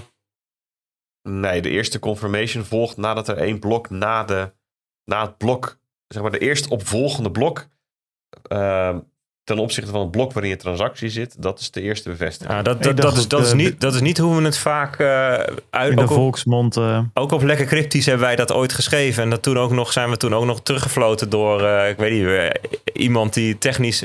Dat, dat één Nou, het is ook confirmation is, het eerste blok. En nul En dat is een confirmation is... beetje uit, eh, uit, de uit, meer uit de praktijk. Want ik weet dat Bitkassa die zero cons gebruikte. Zodat ze direct een betaling konden registreren. En dat iemand niet vijf minuten hoefde te wachten bij de kassa. Dat zou erop duiden dat op het moment dat je hem in de mempool ziet. Dat hij, nou ja, goed, dat hij dus dan zero conf is. Maar goed, kan, ik geloof je direct dat het hier in dat paper anders benoemd staat hoor. Dus eh, ik zal je verhaal niet verder onderbreken. in maar dit- in dit laat het ons weten. staat mensen. bevestiging voor eh, het opgenomen zijn in een blok. Eh, dus ja, weet je, die, Dus één bevestiging is, is als, je, als jouw transactie in een, in een blok komt, die valide is, dan heb je één... nee, deze discussie wordt helemaal niet gevoerd in dat paper. Maar er is daar wel een weergave, een schematische weergave eh, van de levenscyclus van een transactie. En transaction confirmed volgt na eh, dat die is opgenomen in een blok. Nou, en als jullie graag willen discussiëren over nul, de eerste, tweede, derde, vierde bevestiging, dan zou ik zeggen. schrijf- top uit mijn verhaal. even- nou, duidelijk. Even Peet. een Het is, briefje aan. Gregory en Pieter. Hij is duidelijk, jongen. Ga verder. Ga Heel verder. goed. Eh Airlay gaat dus over het doorgeven van transacties aan andere nodes. Ehm, in technische zin wordt dat het Transaction Relay Protocol genoemd. Dus zijn, dat is de manier, het setje van afspraken waarop dat gebeurt. En nu is dat heel simpel. Alle nieuwe transacties worden aan alle verbonden peers doorgegeven. Peers, hè, die term, die ken je van peer-to-peer netwerk. Hè, dat, dat, dat betekent dat het een netwerk is waarin alle deelnemers met elkaar verbonden zijn. Er is dus niet één centraal punt die alles orchestreert. Ehm, en een Bitcoin peer, een Bitcoin node, is met andere nodes, andere peers verbonden. Nou, en dat proces van dat doorgeven van transacties wordt ook wel flooding genoemd. Ehm, hè, want iedere keer als jouw Bitcoin node een nieuwe eh, transactie uitzendt naar de, naar de rest van zijn eh, van, van de Bitcoin wereld, gaat, die transactie ja, uitgeschreeuwd worden door degene die hem ontvangt, in de hoop dat zijn peers het ook weer horen. Het, wordt eigenlijk, het netwerk wordt eigenlijk overspoeld met nieuwe informatie. Zie het een beetje als een, als een oude beursvloer, toen er nog op de beursvloer gehandeld werd. En er komt een nieuwe order bij iemand binnen, die draait zich om en schreeuwt dat knijterhard over de beursvloer, zodat iedereen dat kan horen. En iedereen die dat hoort, doet precies hetzelfde. Weet je, het, is, het is haast onmogelijk dan nog om die nieuwe informatie te missen. En dat is ook het idee erachter. Dat, het, dat de kans dat een nieuwe transactie niet iedereen bereikt, zo klein als mogelijk is. Dat is het voordeel van hoe het nu gaat. Alleen, er staat een nadeel tegenover. Eh, namelijk dat er een best wel groot deel van het dataverkeer eh, dat aan Bitcoin gerelateerd is, eh, gerelateerd is aan het doorgeven van nieuwe transacties. En dat gaat maandelijks om vele gigabytes aan dataverkeer. In de periode dat het eh, eh, paper geschreven werd, zat het tussen de 10 en 15 gigabyte. Hoe dat nu is, weet ik niet precies. Eh, maar het zou me niet verbazen dat dat, eh, in, in, dat het best wel kan fluctueren. In drukke periodes is het natuurlijk meer dan in rustige periodes. En het is op dit moment natuurlijk vrij rustig. Uh, maar zij schrijven tussen de 30 en 50 procent van al het dataverkeer gerelateerd aan Bitcoin heeft hiermee te maken. Um, en daar voegen zij een probleemstelling aan toe, namelijk dat als het aantal Bitcoin nodes, het aantal verbonden peers stijgt, dat dat dataverkeer lineair meestijgt. Nou, dat is niet handig. Dat gaat op een gegeven moment gaat dat bijten met hoe goed nodes verbonden zijn. En daar draait het allemaal om. Uh, dat Bitcoin-netwerk is gezond als die connectivity uh, in orde is. High connectivity, dat is de uh, belangrijke maatstaf voor hoe het gaat met dat Bitcoin-netwerk. Dat heeft ermee te maken dat een, dat een netwerk dat bestaat uit goed verbonden peers, goed verbonden nodes, um, robuuster is tegen sommige type aanvallen, bijvoorbeeld de-anonymisering. Nou, dus is daar al wel langer aan gewerkt. Er zijn een aantal eerdere oplossingen geopperd. Short Transaction Identifiers is een van die oplossingen. Um, en daarmee wordt bedoeld dat uh, de manier waarop je een transactie kunt herkennen, dat het minder data verbruikt. Een beetje alsof het uh, teruggaan naar die beursvloer en dat al die mensen die er staan met elkaar hebben afgesproken. In plaats van dat we zeggen er is een nieuwe transactie of er is een nieuwe order, zeggen we alleen maar nieuwe order. En dan is minder informatie, maar hè, dus eenmalig vermindert dat wel hoeveel informatie er rondgaat. Maar als dan alsnog meer te melden is, stijgt het gewoon net zo hard weer mee. dus dat is niet een, uh, een, een goede oplossing en het is ook kwetsbaar voor sommige type aanvallen. Collision attacks bijvoorbeeld. Waarbij, het, uh, waarbij je denkt dat je bijvoorbeeld al informatie al hebt gehad, maar uh, de manier waarop je dat kan herkennen, die, die gegevens zijn dan zo uh, gecomprimeerd geworden dat er twee, in dit geval bij Bitcoin, twee transacties onder dezelfde noemer vallen. dan botst dat, vandaar collision. Nou, dat, dus, dus die oplossingsrichting is verkend, is niet doorgevoerd. Um, iets anders is de blocks-only setting. Die, die zit wel in Bitcoin Core sinds versie 0.12. Um, dan kan je Bitcoin Core opstarten met de optie blocks only. En wat er dan gebeurt is dat, uh, dat jouw node alleen nog maar nieuwe transacties uh, binnenkrijgt via de blocks die rondgaan. En dat is eigenlijk meer een individuele optimalisatie dan dat het nou het hele netwerk ten goede komt. Want als iedereen dat nu zou doen, dan ja, dan worden nieuwe transacties niet meer rondgebezuind. Dus dat is niet zo handig. Um, nou, hoe werkt Airlay dan? Twee belangrijke componenten. Het eerste heet low fan-out flooding. En eigenlijk betekent dat gewoon dat jouw uh, dat nodes niet meer aan iedereen alles doorvertellen, maar aan een kleine subset. Een beetje terug op die beursvloer. Wat minder hard schreeuwen, zodat alleen de acht mensen om je heen het horen. Um, en daar voegen ze set reconciliation aan toe. Uh, ja, en reconciliation, wat is daar een goede Nederlandse vertaling voor? Een soort van uh, aansluiting of zo? Denk aansluiting. Ik. Aansluiting. Althans, dat is het voor een accountant. Als je aan re reconciliation doet, dan sluit je twee dingen aan elkaar aan om te kijken of die uh, overeenkomen. Ja, ja precies. Nou, dat, dat, is wel, dat is wel wat er gebeurt. Dus uh, dit is de, een, een nieuw setje afspraken uh, waarmee die peers, dus nodes, met elkaar kunnen overleggen over: hey, uh, heb jij dingen die ik niet heb? En als dat zo is, wil je mij alleen dan dat verschil opsturen? Nou, de belangrijkste uitdaging hier is dat dat efficiënt berekend kan worden. Welke transacties je mist. Nou, dat is gemaakt. En dus onder de noemer Airlay is dat gebouwd. Uh, op 23 maart 2021 uh, verscheen het eerste pull request van Gleb. Dus een van die auteurs ook van het paper dat in 2019 verscheen. 5 november 2021 verscheen de laatste pull request. En daar is tot nu dus overheen gegaan met allerlei gesprekken, discussies, uh, codewijzigingen op basis van feedback. En drie dagen geleden uh, is dat gemerged. Met als resultaat de verwachting van uh, een afname van het dataverkeer met 40%. Een netwerk met nodes die beter verbonden zijn. En als side effect daarvan ook betere privacy. Onder meer dus doordat de kans dat het moeilijker wordt bijvoorbeeld om te de-anonymiseren. Ja, dus dit is even een leuk stukje technologie. Nou, mocht je denken van dat nou, mag mij wel wat technischer nog. Um, dan raad ik je aan om dat paper te gebruiken als startpunt. Dat is best wel toegankelijk. Uh, zeker de hoofdstukken om het technische heen zijn goed te volgen. Um, en dan kom je ook vanzelf uit um, op de elementen die nodig zijn om dit slim op te lossen. Ja, en dan ga je echt wel eventjes een konijnenhol in eh, waar ik al vrij snel van dacht, hier worden andere talen gesproken. Het is ook letterlijk zo, want het is heel wiskundig. En wiskunde is ook een taal met heel veel dialecten. Ehm, Pythagoras. die moet je kennen. Die moet je begrijpen. En eh, dat doe ik niet van alles. Ik zie mezelf niet als een totale wiskunde noep. Eh, maar dit ging wel mijn pet te boven. Ehm, zodanig dat ik dat in ieder geval niet zou kunnen uitleggen. Zo eventjes in een Satoshi Way op een manier dat iedereen dat begrijpt. Daarvoor moet je namelijk om te beginnen het eerst zelf allemaal goed begrijpen. Dus, het. Maar ik vond dit alsnog een hele eh, welkome bijdrage, Peet. was leuk. Was Eh, leuk als, je, als je het wil vinden, zoek dan op Bandwidth Efficient Transaction Relay in Bitcoin. Als je daar Gregory Maxwell bij schrijft, dan zal je wel op de PDF eh, terechtkomen.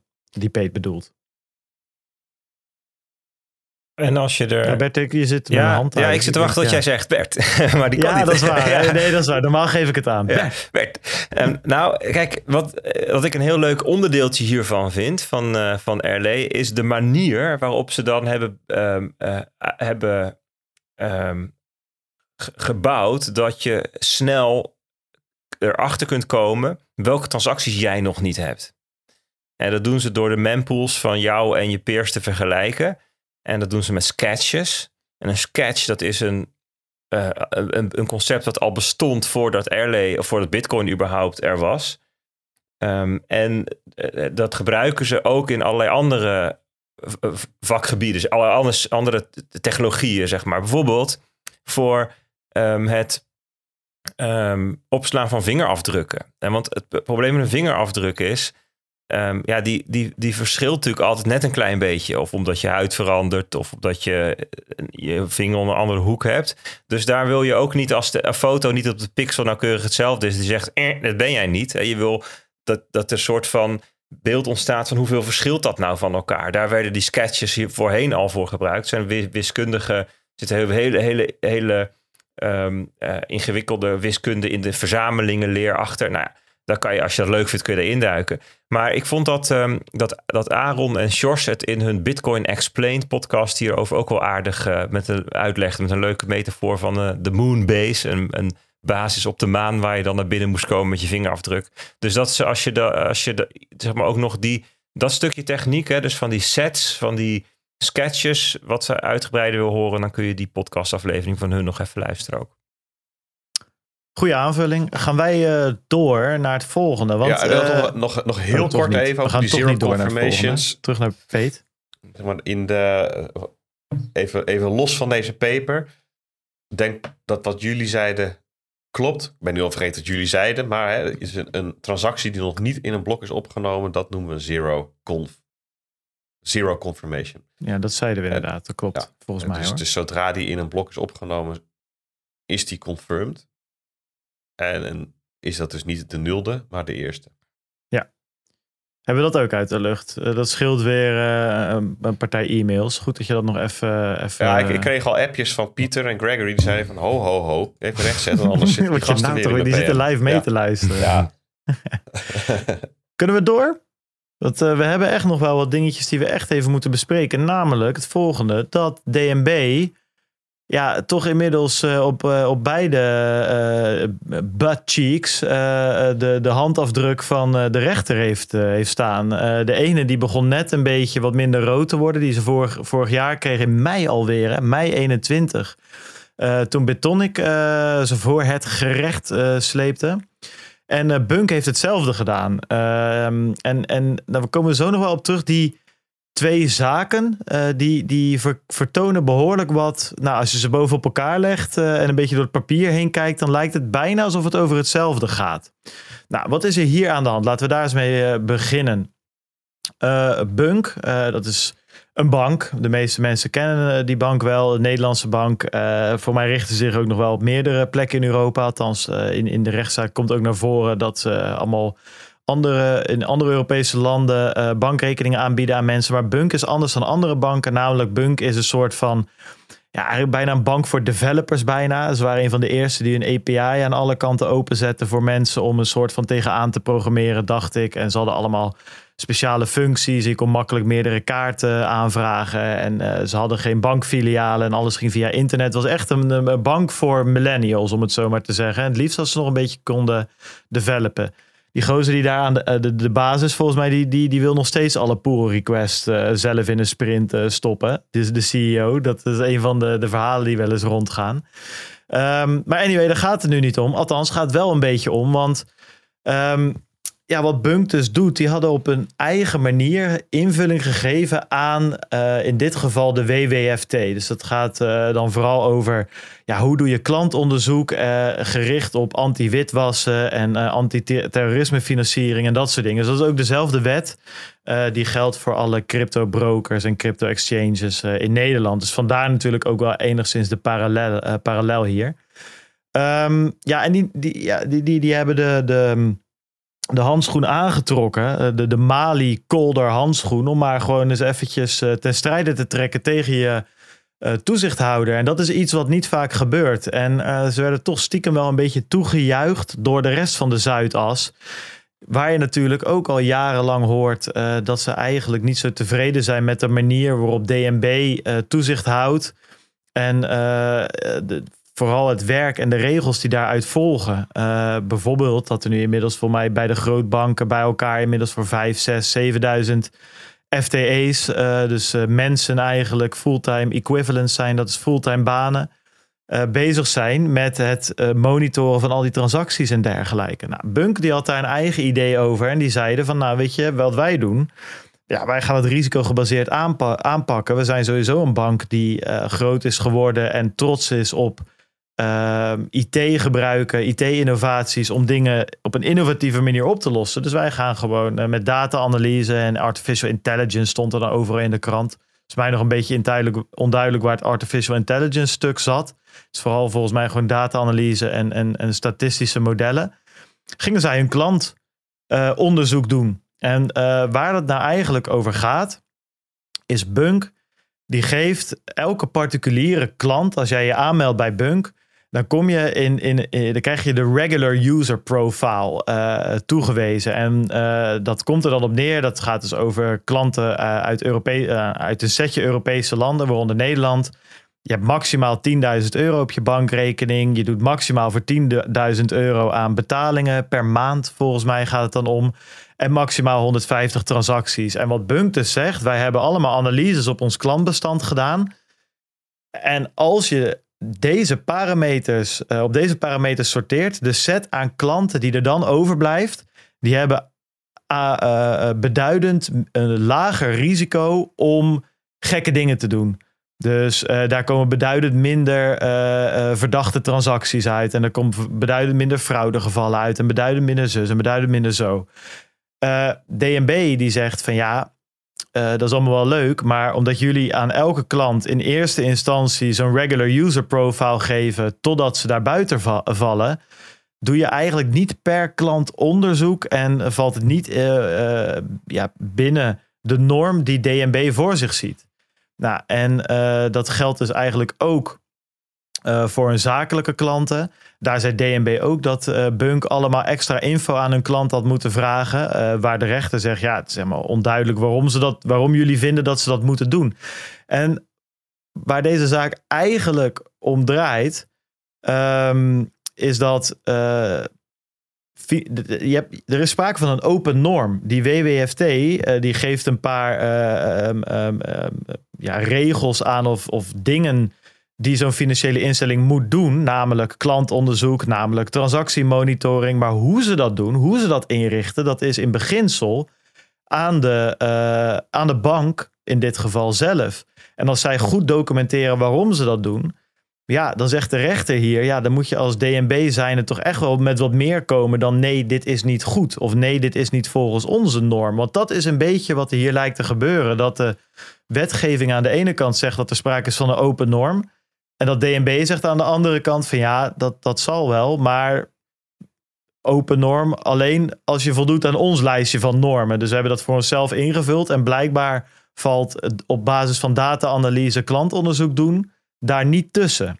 Nou, daar heeft de rechter dus al korte metten mee gemaakt. Wil overigens niet zeggen dat eh, Bunk op alle ehm, onderwerpen waar het hier nu over ging gelijk krijgt. De DNB heeft namelijk wel gelijk gekregen in het feit dat Bunk uh, tekortschoot in het onderzoek doen naar eh, de herkomst van financiële middelen van klanten, die dan wel in een uitgebreid klantonderzoek vielen. En uh, onderzoek naar klanten met een belangrijke publieke functie. Volgens mij heb je het dan over UBO's of zo, whatever. Nou goed, dat is allemaal termen. Daar schoten ze wel tekort in. Wat wel interessant is, is dat advocaten in deze zaak, die spreken, ja, dat is ook wel vaker zo, maar op zich kan ik me, kan ik me wel voorstellen. Je hebt het hier over een historisch moment. Een kentering, uh, las ik ook. De toezichthouder zal zich moeten, open moeten stellen voor onderzoeksmethoden die marktpartijen gebruiken, zelf ontwikkelen en wat minder halstarrig vast moeten houden aan de dingen, de normen die ze zelf op hebben gesteld. Een andere advocaat die zegt, nou dit is ook historisch, want eh, er moet sprake zijn van een level playing field, uh, gelijke kansen eigenlijk, of gelijke regels, um, gelijke spelregels tussen de NL, en, Nederland en de EU, tussen Europa dat zien we hier dus ook weer. Hè, dat DNB dus weer verder gaat of strengere regels stelt. Of de norm gesloten maakt of, of, of, of krapper. Of enger, om het met een mooi woord te, te gebruiken, dan de open norm die de, de richtlijn in Europa heeft gesteld. En zoals die ook overgenomen is in de Nederlandse wet. Um, ja, dat, dat, is, dat is toch wel. Uh, worden ze het echt wel even weer op een. Um, ja, toch gewoon op hun vingers getikt. En het grappige is dat dit dus best wel een, een, een parallel heeft met die zaak van Betonic. Ik heb daar nog eventjes um, uh, opgezocht wat de rechter daar nou ook alweer gezegd heeft. En die zegt, na heroverweging komt DNB eh, tot het oordeel um, Oh, dat is, in, dat is interessant. Uh, dat is dan een foutje geweest, denk ik, op de site van Bitonic. Maar voor mij moet dat de rechter zijn. In ieder geval, na heroverweging komt de rechter tot het oordeel dat deze door DNB gegeven invulling van artikel 2, uh, eh, tweede lid, onvoldoende recht doet aan de ruimte die een instelling heeft om deze norm risico georiënteerd in te vullen. DNB heeft het registratievereiste daarom ten onrechte als voorwaarde gesteld voor de registratie van Bitonic. Dus ook hier weer Bitonic, marktpartij, uh, komt met een uh, eigen interpretatie van de wet. Uh, voert die wet op een bepaalde manier uit. Heeft daar een op risico gebaseerde invulling bij. Kan het allemaal onderbouwen. En dat wordt eigenlijk door de DNB, of door, door DNB afgeschoten. En die zegt van joh, jij moet aan deze vereisten voldoen. Waarvan wij denken dat het goed is. En dat is dus blijkbaar eigenlijk helemaal niet hun rol hierin. zegt de rechter nu eigenlijk al voor de tweede keer goed, interessant. Ik ben heel benieuwd hoe ehm, andere banken hier nu mee omgaan. Want dit is stiekem natuurlijk bij elke bank een, een doorn in het oog. Um, uh, dat er zoveel, vooral handmatig werk in al, die, uh, in al dat klantonderzoek en transactiemonitoring gaat zitten. Dus als dat nu blijkt dat dat toch allemaal wat meer geautomatiseerd kan en wat meer risico gebaseerd ook. Ik denk dat dat een hele belangrijke is, ook voor Bitcoin als we met Lightning willen gaan betalen, is het wel fijn als niet elke transactie helemaal uh, tot, tot op de laatste UTXO. Ja, dat is bij Lightning natuurlijk niet, helemaal niet zo, maar tot op de laatste super streng moet, onderzocht moet worden waar die funds vandaan komen als jij een kopje koffie of een biertje aan het bestellen bent. Hè, dat is ook, en dat is nog een, nog een hele leuke, ja, leuke kant om te volgen van dit verhaal. Adyen, Molly uh, en, en die andere payment providers. Ja, die, die zitten hier ook naar te kijken. Want daar las ik ook laatst een interview in de klant. Dat die ook eigenlijk niet zo blij zijn met alle. Um, ja, dat zij klantonderzoek moeten doen van klanten die eigenlijk niet hun klant zijn. Nou, dat klinkt heel moeilijk. Maar op het moment dat ik bijvoorbeeld op een webshop bestel, dan betaal ik met Ideal, om maar eens wat te noemen. En dan koop ik bij bol.com een boek van 15 euro. En het zou heel goed kunnen dat Adyen of Molly daar de tussenpersoon is. Maar zij zijn niet degene die de klantrelatie beheren. Dat is de ING in mijn geval. Of de Rabobank in iemand anders een geval. Of ABN of Bunk. Nou, daar zie je dus hetzelfde gebeuren als, uh, als wat je ook met cryptopartijen zou, zou zien kunnen gebeuren. Op het moment dat er betalingen gedaan worden. Dat er eigenlijk een betaalverwerker is die helemaal niet de relatie heeft met de klant die betaalt. Maar wel allemaal klantonderzoek moet doen. Ja, dat zijn allemaal onmogelijke dingen, of hele moeilijke dingen die totaal niet praktisch zijn. En ehm, ja, goed, de rechter uh, heeft daar eigenlijk voor de tweede keer in dit, uh, ja, voor de tweede keer marktpartijen gelijk gegeven daarin. Dus ik ben heel benieuwd hoe dat de komende tijd zich verder gaat ontvouwen. En volgens mij neigt DNB er ook naartoe, want die hadden ook weer een van de position paper geschreven vorige maand. Waarin ze aangeven dat er toch maar eens gekeken moet worden of er dingen meer risicogebaseerd ingevuld kunnen worden. In plaats van alles maar helemaal strak in te lijnen en te zeggen alles moet handmatig gecontroleerd worden. Dus ja, to be continued. Um, ik zie jou nog knikken, Bert. Ja. Um, een toevoeging. Ja, ik zat tijdens jouw uh, verhaal even op de FD-site te, te scrollen. Want ik herinner me een paar artikelen van de afgelopen vijf weken. En het begon inderdaad op 14 september. Um, dat de Nederlandse bank de teugels gaat laten vieren um, naar de banken. Omdat ze inderdaad, precies wat jij zegt, ik denk dat dat dat paper is waar jij op, op doelt. Dat ze niet meer elke transactie hoeven um, bekijken, maar dat ze risicogebaseerd mogen doen met een goedgekeurd risicomodel. Um, en nou ja, 28 september, uh, nieuwsbericht, de Tweede Kamer wil een andere witwascontrole banken. Um, dus dat, het, zegt iets ook over de, um, de, de, de, de, de, de waait, het begint een andere wind te waaien, zeg maar. Nou, nu kregen we dat oordeel um, rondom Bunk, waarin het weer expliciet werd gemaakt.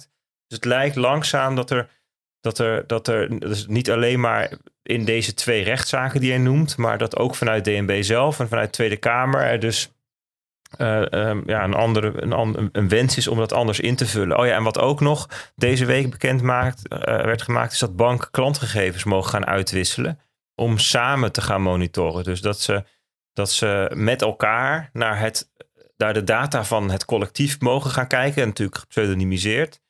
Um, en zodat ze daarin patronen kunnen ontdekken. Dus het, het, lijkt alsof hier wat dingen aan het verschuiven zijn. Ik weet niet of het allemaal goed of slecht is, maar. Ik heb ja. er nog wel de gedachte dus um, in, in, voor zowel deze zaak als de zaak uh, tussen DNB en Bitonic geldt dat er nieuwe technologieën mee gemoeid zijn. En dat het misschien wel eens um, ook ingewikkeld is daarom voor een DNB om, um, om iets te vinden hiervan. Omdat je moet weten, je moet echt begrijpen hoe het werkt. wil je uh, ook goede eh, eh, een goede leidraad kunnen zijn als toezichthouder voor de markt.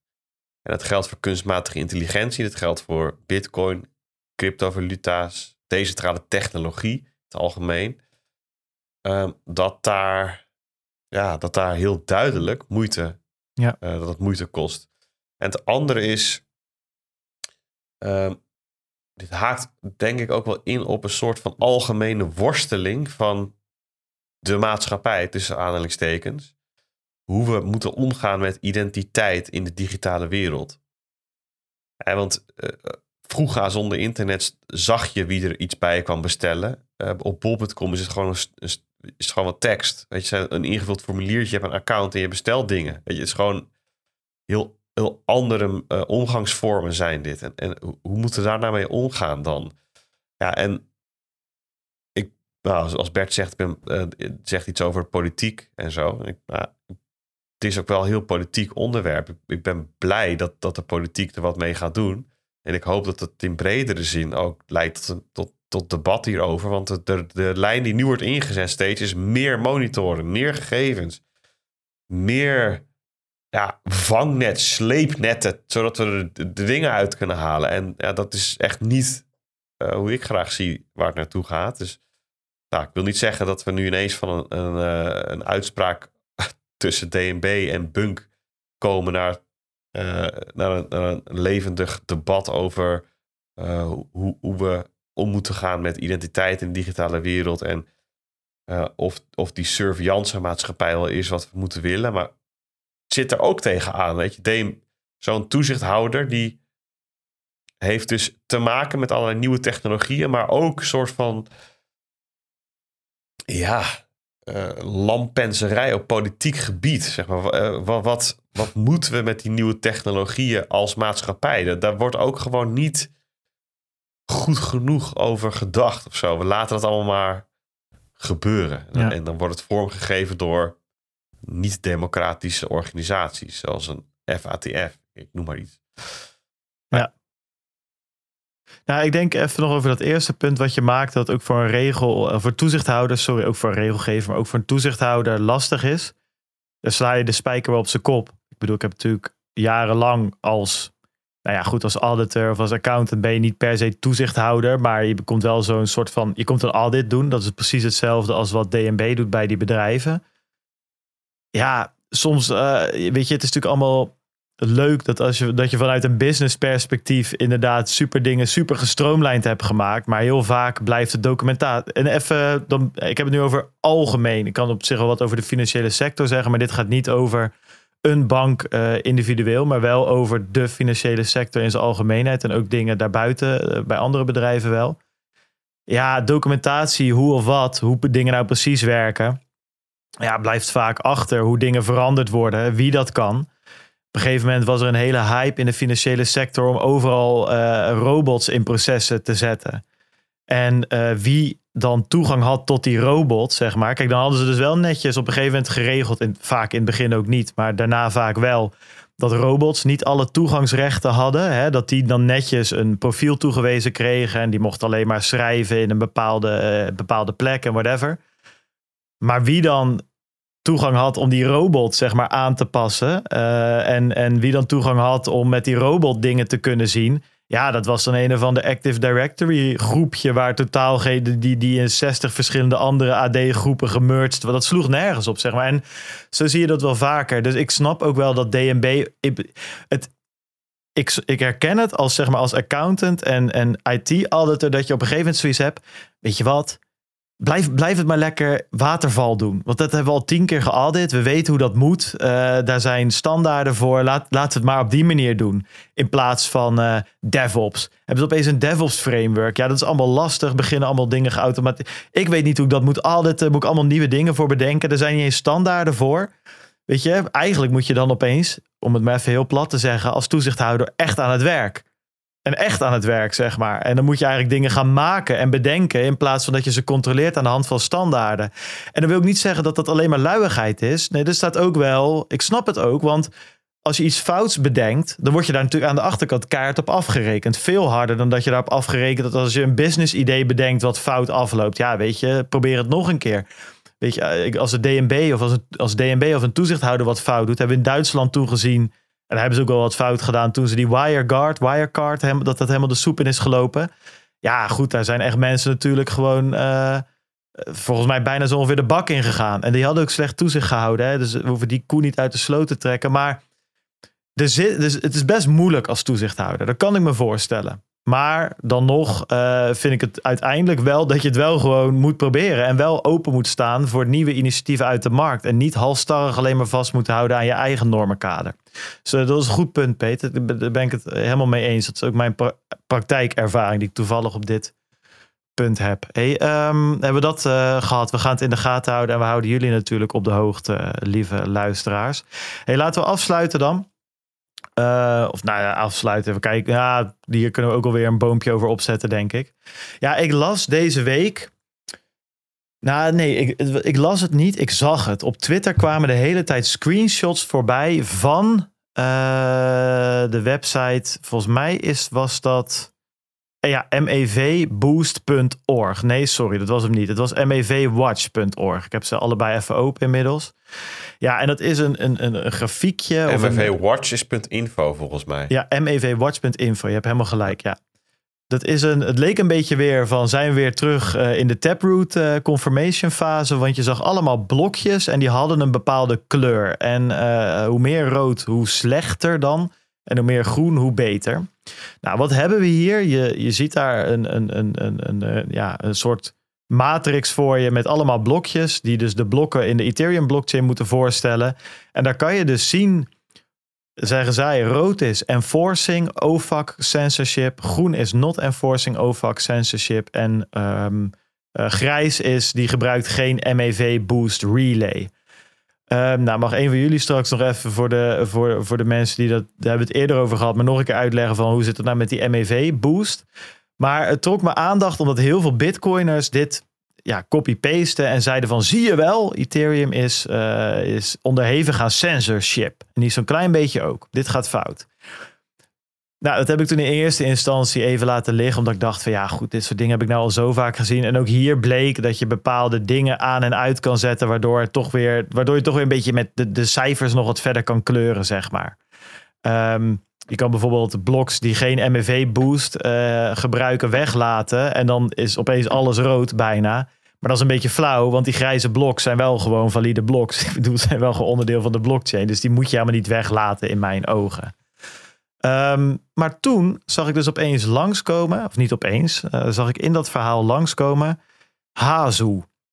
En Hazu, dat is een pseudoniem voor, weet niet precies hoe die heet, maar hij is dus de lead strategist bij, uh, bij Flashbots. Hè? En Flashbots is dus de, uh, het bedrijf, noem ik het maar even, die de grootste um, ja, relay hebben gebouwd. De meest gebruikte relay. Volgens mij um, gebruiken van de mensen die, um, nee, ik zit even te kijken, 80% gebruikt flashbots, zie ik hier staan. Flashbots dominance. Um, en dan gaat het er dus wel om van dus die uh, blokken die daadwerkelijk een MEV boost relay gebruiken, gebruikt 80% flashbots. De meeste gebruiken die nou. En wat doen die nou? Die, um, die Hazu die zegt dus: It's a failure of the Ethereum ecosystem that one month after the merge there is still no neutral relay. All the relays that exist are vertically integrated builder relays. Ja, ik vind het wel grappig dat hij dat noemt. Want ja, Flashbots die heeft dat ook nog niet. Um, nou goed, daar gaat dus een hele dis discussie over.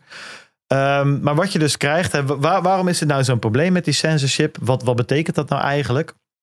Het betekent dus dat van de zeven ja, MEV boost relays die er zijn, vier van die relays, waaronder flashbots, uh, die filteren eigenlijk uh, transacties eruit die van of naar een Ethereum-adres gaan die op de OFAC-sanctielijst staat.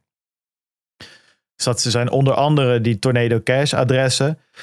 Maar dus volgens mij, ja, er staan al jarenlang Ethereum en Bitcoin adressen op de OFAC-lijst. Volgens mij ook alles wat te maken heeft met IS of uh, terroristen of whatever. Nou ja, goed. En uh, Flashbots die filtert die er dus uit. Nou goed, dat is even waar, waar het over. Um, um, uh, waar, waar dus best wel veel discussie over was. En we hebben het natuurlijk toen voor de merge al best wel uitgebreid over gehad. Omdat toen ook al in een development call naar voren kwam. Omdat dus die MEV boost functionaliteit niet op protocol level geïntegreerd kon worden tijdens de merge. Was eigenlijk, zeiden toen al die Ethereum developers van ja, is het wel zo'n goed idee om, ja, de, dus andere partijen moeten dat buiten het protocol oppakken. Nou, dat is op zich prima. Maar toen was al het, het, het, het, het vraagteken.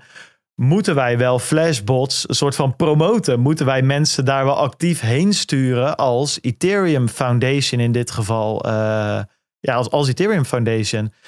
Ja, en, en nu een maand later zie je dus eigenlijk dat van de uh, ja, validators die een MEV boost uh, relay gebruiken, dat 80% daar uh, flashbots gebruikt. En, en dat daardoor de afgelopen maand 62% van de blokken die gemined zijn, of ja, we noemen, het, we noemen het nog even mining gewoon voor, voor de sier. 62% van de blokken is OFAC compliant. Dus um, ik, ik heb, ja, ik heb, moet ik zeggen, ik heb geprobeerd ook alleen maar informatie te pakken van mensen die hier aan werken, of van Ethereum-fanaten of whatever. En ik merk toch wel een beetje. Um, dat het ze niet lekker zit. Mm. Dit, is, dit, is, dit is geen hersenloze fut of zo. Of een een of andere bit, Bitcoin maximalisten campagne uh, of zo. Ik zat hier een beetje. Nou, ik heb een introductie gegeven. Ik heb twee vragen aan jullie. Wat vinden jullie hiervan? En kunnen jullie uh, nog even in twee zinnen uitleggen hoe dat nou ook alweer überhaupt zat met die MEV boost? Wa waarom dit überhaupt een ding is? Uh, waarom, waarom überhaupt zoveel validators gebruik maken van zo'n van zo'n relay? Zal ik die pakken, Peet? Ja, dus het idee van MEV, hè, dus was in het begin minor extract, extractable value, nu heet het vaak maximum extractable value. Dat is dat er, als je de mempool bekijkt, dat je als um, blokbouwer wat je natuurlijk bent als miner of als validator, dat je, dat je zou kunnen profiteren van de voorkennis die je hebt. Dus dat, zou, kan, dat kan hele onschuldige en zelfs nuttige arbitrage zijn. En dat kan ook zijn dat je aan het frontrunnen bent of weet ik veel wat. Nou, in ieder geval is er dus geld te verdienen door uh, die transacties op een bepaalde manier te ordenen en daar misschien zelfs, zelfs transacties aan toe te voegen. Dat is MEV. Um, MEV dat bestaat nu eenmaal bij Ethereum, dus je moet er iets mee. En dat, dat, dat was een, uh, uh, eigenlijk een soort van monopolie, gesloten markt in de tijd dat er nog gemined werd. En dat, is, dat was helemaal niet fijn. En dacht men, weet je wat we in de toekomst gaan doen? Dan gaan we, um, als we straks naar proof of stake overgaan, in die periode gaan we dit, gaan we hier infrastructuur voor bouwen.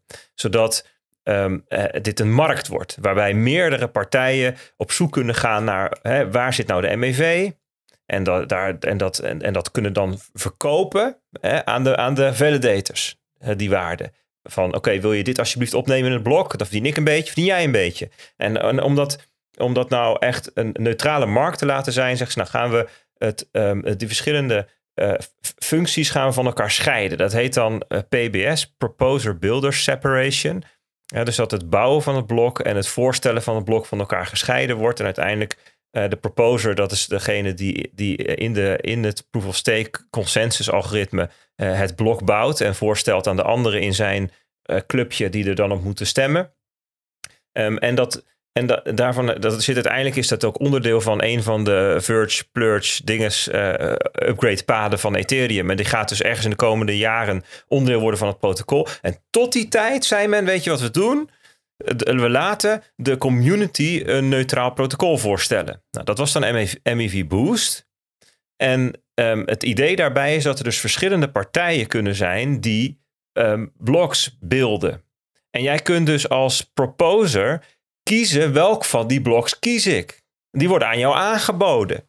En het punt is dat uh, Vitalik Buterin, die zei in een podcast hierover, zei hij van ja, ik verwacht hierdoor dat het dus zo zal zijn dat het economisch het gunstigst is om um, niet gecensureerde blokken te kiezen. Want stel nou dat jij um, per se iets in een blok wil hebben wat wel op de OVAC-lijst staat, dan geef je daar gewoon heel veel. Um, betaal je daar heel veel voor. En dat betekent dat als die transactie wel in het blok is, dat jij daar dus meer voor krijgt. Eh, en dus zullen de miners of de validators, dus de proposers namelijk in het PBS-verhaal, die zullen dus kiezen voor de aangeboden blocks die niet gecensureerd worden. En dat was de redenering, dat als je echt een vrije open markt hebt, dat zegt Vitalik zegt, dus eh, ben ik niet zo ontzettend bang voor op de lange termijn hè, voor, voor, voor, die, voor die censuur. Want uiteindelijk is het gewoon in het economische voordeel om um, blokken uh, te Ehm, bouwen ook. Hè, dus de blokbouwers, die zullen ook kiezen om die wel erin op te nemen. Want anders dan wordt hun blok nooit gekozen. En krijgen ze dus de beloning niet. Weet je, dat verhaal. Dus dat is een soort speltheoretisch idee waarom dit zou gaan werken. En blijkbaar is dat nu nog niet het geval. Hè? Dat is wat hieruit voortkomt. Er wel iets aan, aan, aan, uh, aan toevoegen, Bert. Want wat jij zegt triggert me, omdat het een hele goede is. Een hele goede opmerking. Um, Kijk, wat we hier zien, uh, en daarom is zo'n lijst met blokjes en kleurtjes op zich goed, maar wel altijd een beetje opletten. Kijk, het gaat er dus om. Uh, ik zie hier bijvoorbeeld blok 100, nummer 158 staat hier. Die is rood. Dat betekent dat die waarschijnlijk door flashbots, uh, ja, wat is het dan? Proposed is. Um, in elkaar ge gezet is. Hè? Dus laat ik zeggen dat dat blok is. Ja, wat is dat? Is het in elkaar gezet of proposed? Maar zeg maar, welke het blok beelden is dan toch wat. Ja, wat, uh, ja. Dus, dus zij bouwen dat blok. Maar dat wil niet zeggen dat er in dit specifieke blokje 158 daadwerkelijk ook gecensureerd is. Hè, het wil niet zeggen dat in alle rode blokjes die ik zie, dat daar dus een Tornado Cash transactie in zit en dat die er nu uit is gehaald. en dat is wel even belangrijk. Het ligt net iets anders. Dus je zou MEV Boost kunnen zien als een soort um, proof of concept voor wat ze uh, Proposer Builder Separation noemen. Uh, onder de Ethereum ontwikkelaars. PBS hebben we het ook wel eens over gehad. Alleen PBS, dat, kan, dat, is, dat zou een protocolwijziging zijn. Dus dat kan niet even aangezet worden. Dan moet eerst die hele uh, heisa, merge, plurge, weet ik veel wat. Ja. dat zit ergens daarin. En, en Flashbots, MFV Boost, um, is daar een voorloper van. En in, onderdeel daarvan van is, is dat dus het voorstellen van de inhoud van een blok losgetrokken is van, de, van, van degene die hem bouwt. En, en daar zit een partij tussen, de relayer, die geeft dat door. Die geeft door van zoveel kun je eraan verdienen en pas later hoor je over de inhoud. En het zijn die relayers ehm, die, die censureren. Het zijn een stuk of zeven of acht of zo die Zeven, deelnemen aan het proces. Ehm, en ik geloof dat er twee of drie niet censureren. Er zijn er zeven en drie censureren oh, niet. Ja. Ja, precies. Hè. Die, die, die zijn dan En van die drie zijn er twee van hetzelfde be- bedrijf overigens. zoiets. Ja. En ik geloof dat als je alleen maar kijkt naar bloks die via dat MFV-boost proces lopen, is 90% of zo eh, maakt gebruik van een relayer die dus wel OFAC compliant is en dus in theorie censureert. Dat is, dat is het verhaal. Ja, en ja, maar dat is toch, dat is, ehm, hoe was dat anders dan? Nou, het, is, het is dus niet dat er, dat er een, eh, een, een blok gemaakt wordt of zo door de Ja, precies. relayer. De, de, de Nee. blok is nog steeds gewoon door de blokproducer dat zit, daarvoor, ja, dat, zit daar, dat zit daarvoor. Dit is een schakel daartussen. Dus, Precies. maar het netto-effect is vanuit het perspectief van de proposer, dat is dus de validator, die het blok mag ehm, eh, eh, eh, voorstellen in, in het proof-of-stake protocol, dat die dus ehm, in zoveel procent van de gevallen een blok aangereikt krijgt die, eh, die gecensureerd zou zijn. Namelijk via een relayer komt die censureert. En ik, ik, ik, ik, ik vind Bart, je zegt die bloks die moet je niet weglaten, die grijze bloks. Maar ik denk dat je dat dus eigenlijk wel zou moeten doen. Want ik denk dat het ehm, er logischerwijs op uit zal komen dat op termijn alle validators gebruik maken van MEV Boost. Dat is namelijk het meest logisch. ja, Eh, Ja, dat is een verre, verre assumptie. Maar ik denk dat je die, die werd er vaak niet zo expliciet bij gezegd. Nee. En dat vind ik intellectueel niet eerlijk. Nee, Ehm, maar goed, het, het, het, zeg maar even waar, waar dit naar op weg is, is dus een situatie dat blijkbaar vier van de zeven relayers ehm, ehm, censureren. En dan is de vraag die ik dan stel: oké, er zijn er blijkbaar ook drie die dat niet doen. Waarom maken niet meer mensen gebruik van die drie? Want voor zover ik het begrepen heb, kies je als proposer welke relayer je gebruikt. Ik weet niet of jij dat weet, Peter, of dat waar is wat ik zeg. Weet ik niet precies. Want. Of zijn. Ja, of, waarschijnlijk omdat je bij misschien... Maar goed hoor, nu ga ik... eh, eh, ja, de, de Kan je, kan je eens herhalen wat je zei? Ja. Wat je waarschijnlijk... Kie- kie- kies je als, als proposer welke relayer gebruikt? Of, of zijn dit gewoon de blocks die het meeste waard waren? Toevallig. Nee, je, je kiest de relayer. Ja, dus je kunt je, je, je kunt je blokproposer, dus jij als blokproposer kan zelf kiezen van welke relayer je gebruik maakt. Ja. Daarom zijn er nou ook van die oproepen van joh, eh, gebruik niet de standaard relayer, maar stel hem in op een van deze drie. Dat zijn dan die... ehm, Maar is dat dan, is dat dan dus zo dat. Want jij zegt standaard relayer. Was dan eh, eh, deze van Flashbots de standaard relayer? En hebben gewoon heel veel mensen hem op default laten staan? dat denk ik. dat zou wel ik heel ja. lame zijn als dat dan. of kan je er gewoon meer geld mee verdienen? Hè? Want dat lijkt mij de meest voor de hand liggende. Ja. Dat, die fee, dat hetgeen Volgens- wat je daar. Volgens MEV Watch.info, daar zit een FAQ. En daar zeggen ze, what can I do as a validator? Dan zeggen ze nou, eh, overweeg om geen relays op te nemen in je MEV boost configuratie die censureren. Dus blijkbaar heb je een x aantal relays. Precies. Ja. En ehm, ik denk dat hij dan kijkt, wat, wat, wat krijg ik allemaal van alle relays in mijn config? En dan pak ik daar het beste blok van. Ehm, dat, dat gok ik. En dat zou dus als dat waar is wat ik zeg, dan zou dat betekenen dat er soms dus bloks zijn die meer opleveren terwijl ze via een gecensureerde relayer komen. En als dat zo is, dan zou je kunnen zeggen van ja, dan geldt de speltheorie van Vitalik Buterin en zou je automatisch voor een niet censurerende relayer kiezen omdat daar een beter blok komt als daar meer MEV in zit. Maar goed, Ja, ik denk misschien daar nog eentje aan toevoegend. Kijk, we weten ook dat grote validators, eh, dat dat de exchanges zijn. In ieder geval een aantal grote validators zijn, eh voor mij Coinbase, Binance, eh, zijn er nog wel een paar.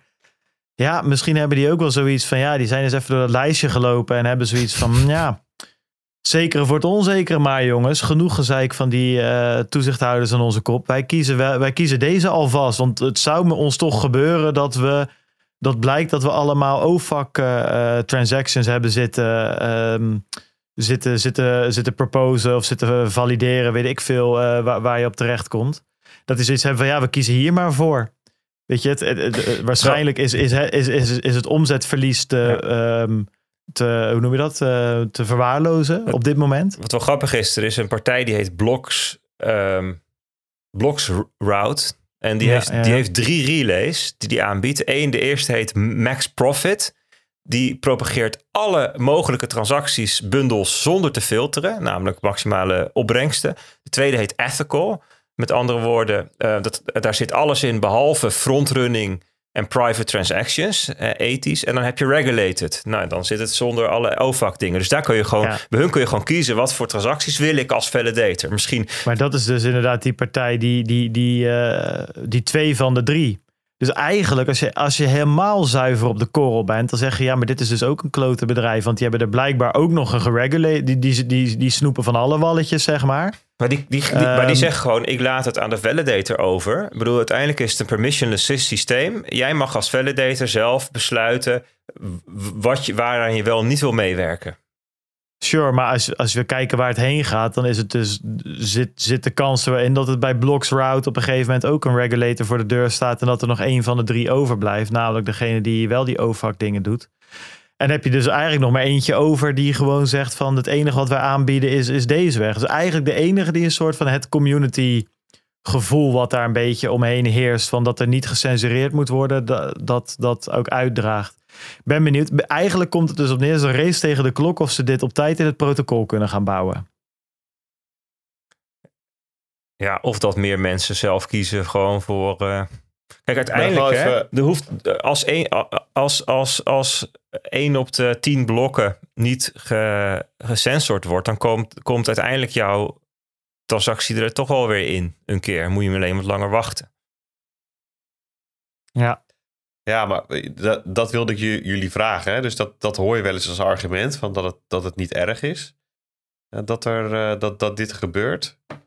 Eh, ja, wat vinden jullie daar dan van? Hè? Dus dat, dat, je, dat, sommige transacties misschien wel veel langer, dat het veel langer duurt voordat die verwerkt zijn dan andere.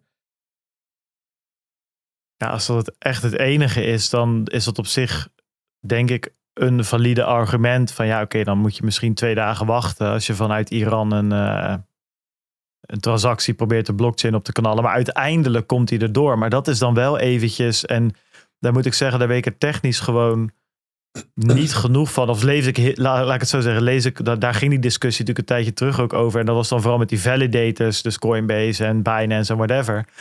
Ja, dat is dan wel even de, even de vraag van, komt die, komt die dan ook echt in de blockchain? En wordt die dan dus door al die partijen die die validator nodes draaien, eh, wordt, wordt die ook echt geaccepteerd? Dus eh, ik vind dat moeilijk, want aan de ene kant heb je dan dus een soort van hevig gereguleerde MEV relay eh, industrie, waar er dus opeens allemaal op OFAC compliant lijsten gecheckt wordt en whatever. Nou, dan heb je daar één een soort van eh, eh, piratenzender tussen, die, die vanuit een een of andere Radio Veronica boot ergens op de Noordzee nog een MEV relay heeft, die dan wel OFAC eh, en al, gewoon alles doorstuurt. Maar degene naar wie ze doorsturen, dus die, die validators of die beelders of waar jullie het dan over, over hadden, zeg maar.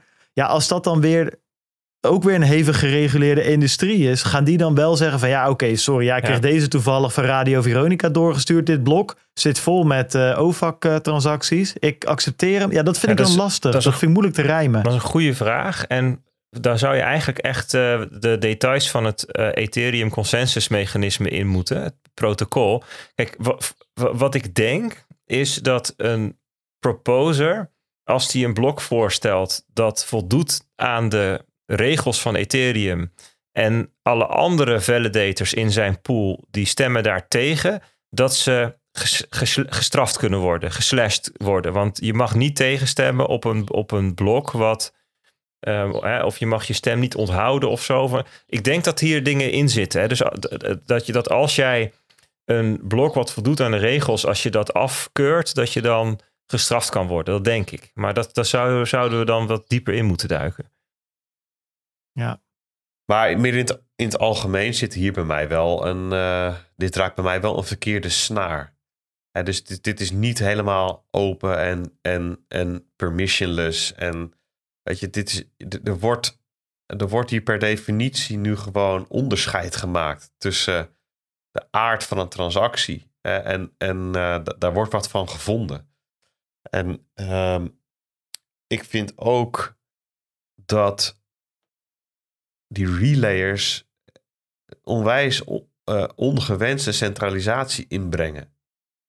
Die, die, het- uiteindelijk zitten daar dus gewoon een paar mensen achter die iets beslissen en vinden over wat ze wel en niet doorgeven. Ja. Ja, ik, ik, ik, ehm, hier, hier moet wel e- voor mij wel echt eh, eh, veel veranderen om, om, om over Ethereum te praten over, nou, dat, dat is een, een, een, eh, een netwerk dat voldoet aan mijn eisen rond decentralisatie. Ja, ja eens. Dus dus even een korte reflectie erop. Ja, ik denk dus dat dit wel een mooi... Ja, goed, we ook dit gaan we weer volgen. Want wat kan je erover zeggen na een maand, zeg maar. Maar dit zou best wel eens een mooi voorbeeld kunnen zijn. Dat dit soort geintjes in de wereld waarin we leven... ehm, ja, mo- moeten dus, en dat geldt ook voor bitcoin natuurlijk... Ja, moet je dus op protocolniveau bouwen. Soort van alles of niets. Het zit erin of niet. En als het er niet in zit, dan zit er ofwel weer een bedrijf achter... of er zit weer ergens een server die niet zo gedecentraliseerd is als zowel de Ethereum blockchain of de Bitcoin blockchain. Hè? Eh, en dus het gaat niet alleen, niet alleen zozeer, en dat is ook wel weer een mooi om even aan herinnerd te worden. Dus niet alleen zozeer om de transactiegeschiedenis, dat, die, dat iedereen die heeft en dat je op die manier kan zien wie wat moet hebben en, en waar alles is en whatever. Maar ook gewoon die consensusregels. Als jij een nood draait, dan, ook dan draai je ook dat. Zeg maar, de regels van het spel staan ook op jouw nood. En ehm, hier is dat er een soort uitgetrokken. Ehm, en ligt dat opeens ja, in, ja, ja, bijna dat je denkt dat- het bij- bijna een soort van webapps worden of zo. Weet je, dat gevoel. Het, is opeens, het, is, het wordt opeens dat hele eh, robuuste. ehm, wat zat er ook alweer? het- wat was tegenovergestelde van fragiel ook alweer, Bert? Antifragiel. Ehm, ja, sorry. Wat zat er in het midden ook alweer? Dat was robuust, toch? Ja, ja. Ja. Weet je, het hele robuuste, bijna antifragiele wat we gewend zijn van Bitcoin, maar ook toch gewoon van Ethereum. Eh, misschien in een mindere mate of whatever, maar ik bedoel, DeFi en alles, al die smart contracts van, van eh, Uniswap V1 en whatever, die draaien nog steeds gewoon. Ook Ethereum vertoont gewoon die, die kenmerken van zo'n van zo'n van zo'n robuust of antifragiel systeem. En dit vertoont die kenmerken opeens niet meer, wat mij betreft. En eh, wat ik hoopvol vind, is dat deze discussie in die Ethereum development community nog het op het scherpst van de snede gevoerd wordt. Dus het wordt wel gezien, even buiten alle podcast host en whatever om. Eh, in, in het centrum van dat, in dat epicentrum van Ethereum development wordt echt nu wel aan de bel getrokken van oei jongens, dit, dit, gaat, dit dreigt een scenario te worden waar, waarvan we al gezegd hadden van tevoren, dit is niet wat we zouden willen. Ja, dus ik, ik ben benieuwd of ze dit eh, ja, dus dan op tijd op een goede manier in dat protocol eh, geduwd krijgen. En dat mag wel wat eerder gebeuren dan de splurge eh, of whatever het in zat. En we weten dat dat tegelijk loopt, maar dit heeft wel prioriteit lijkt mij zo. Dus dat gaan we in de gaten houden. Maar ik vond het toch, ja, weet je, ik, hou ik ben niet zo'n Ethereum basher of zo. Maar als ik zag hoe de, hoe de, de in-crowd hier zelf op reageerde, dat ik dacht, ja, dat moeten we even op de, de agenda hebben.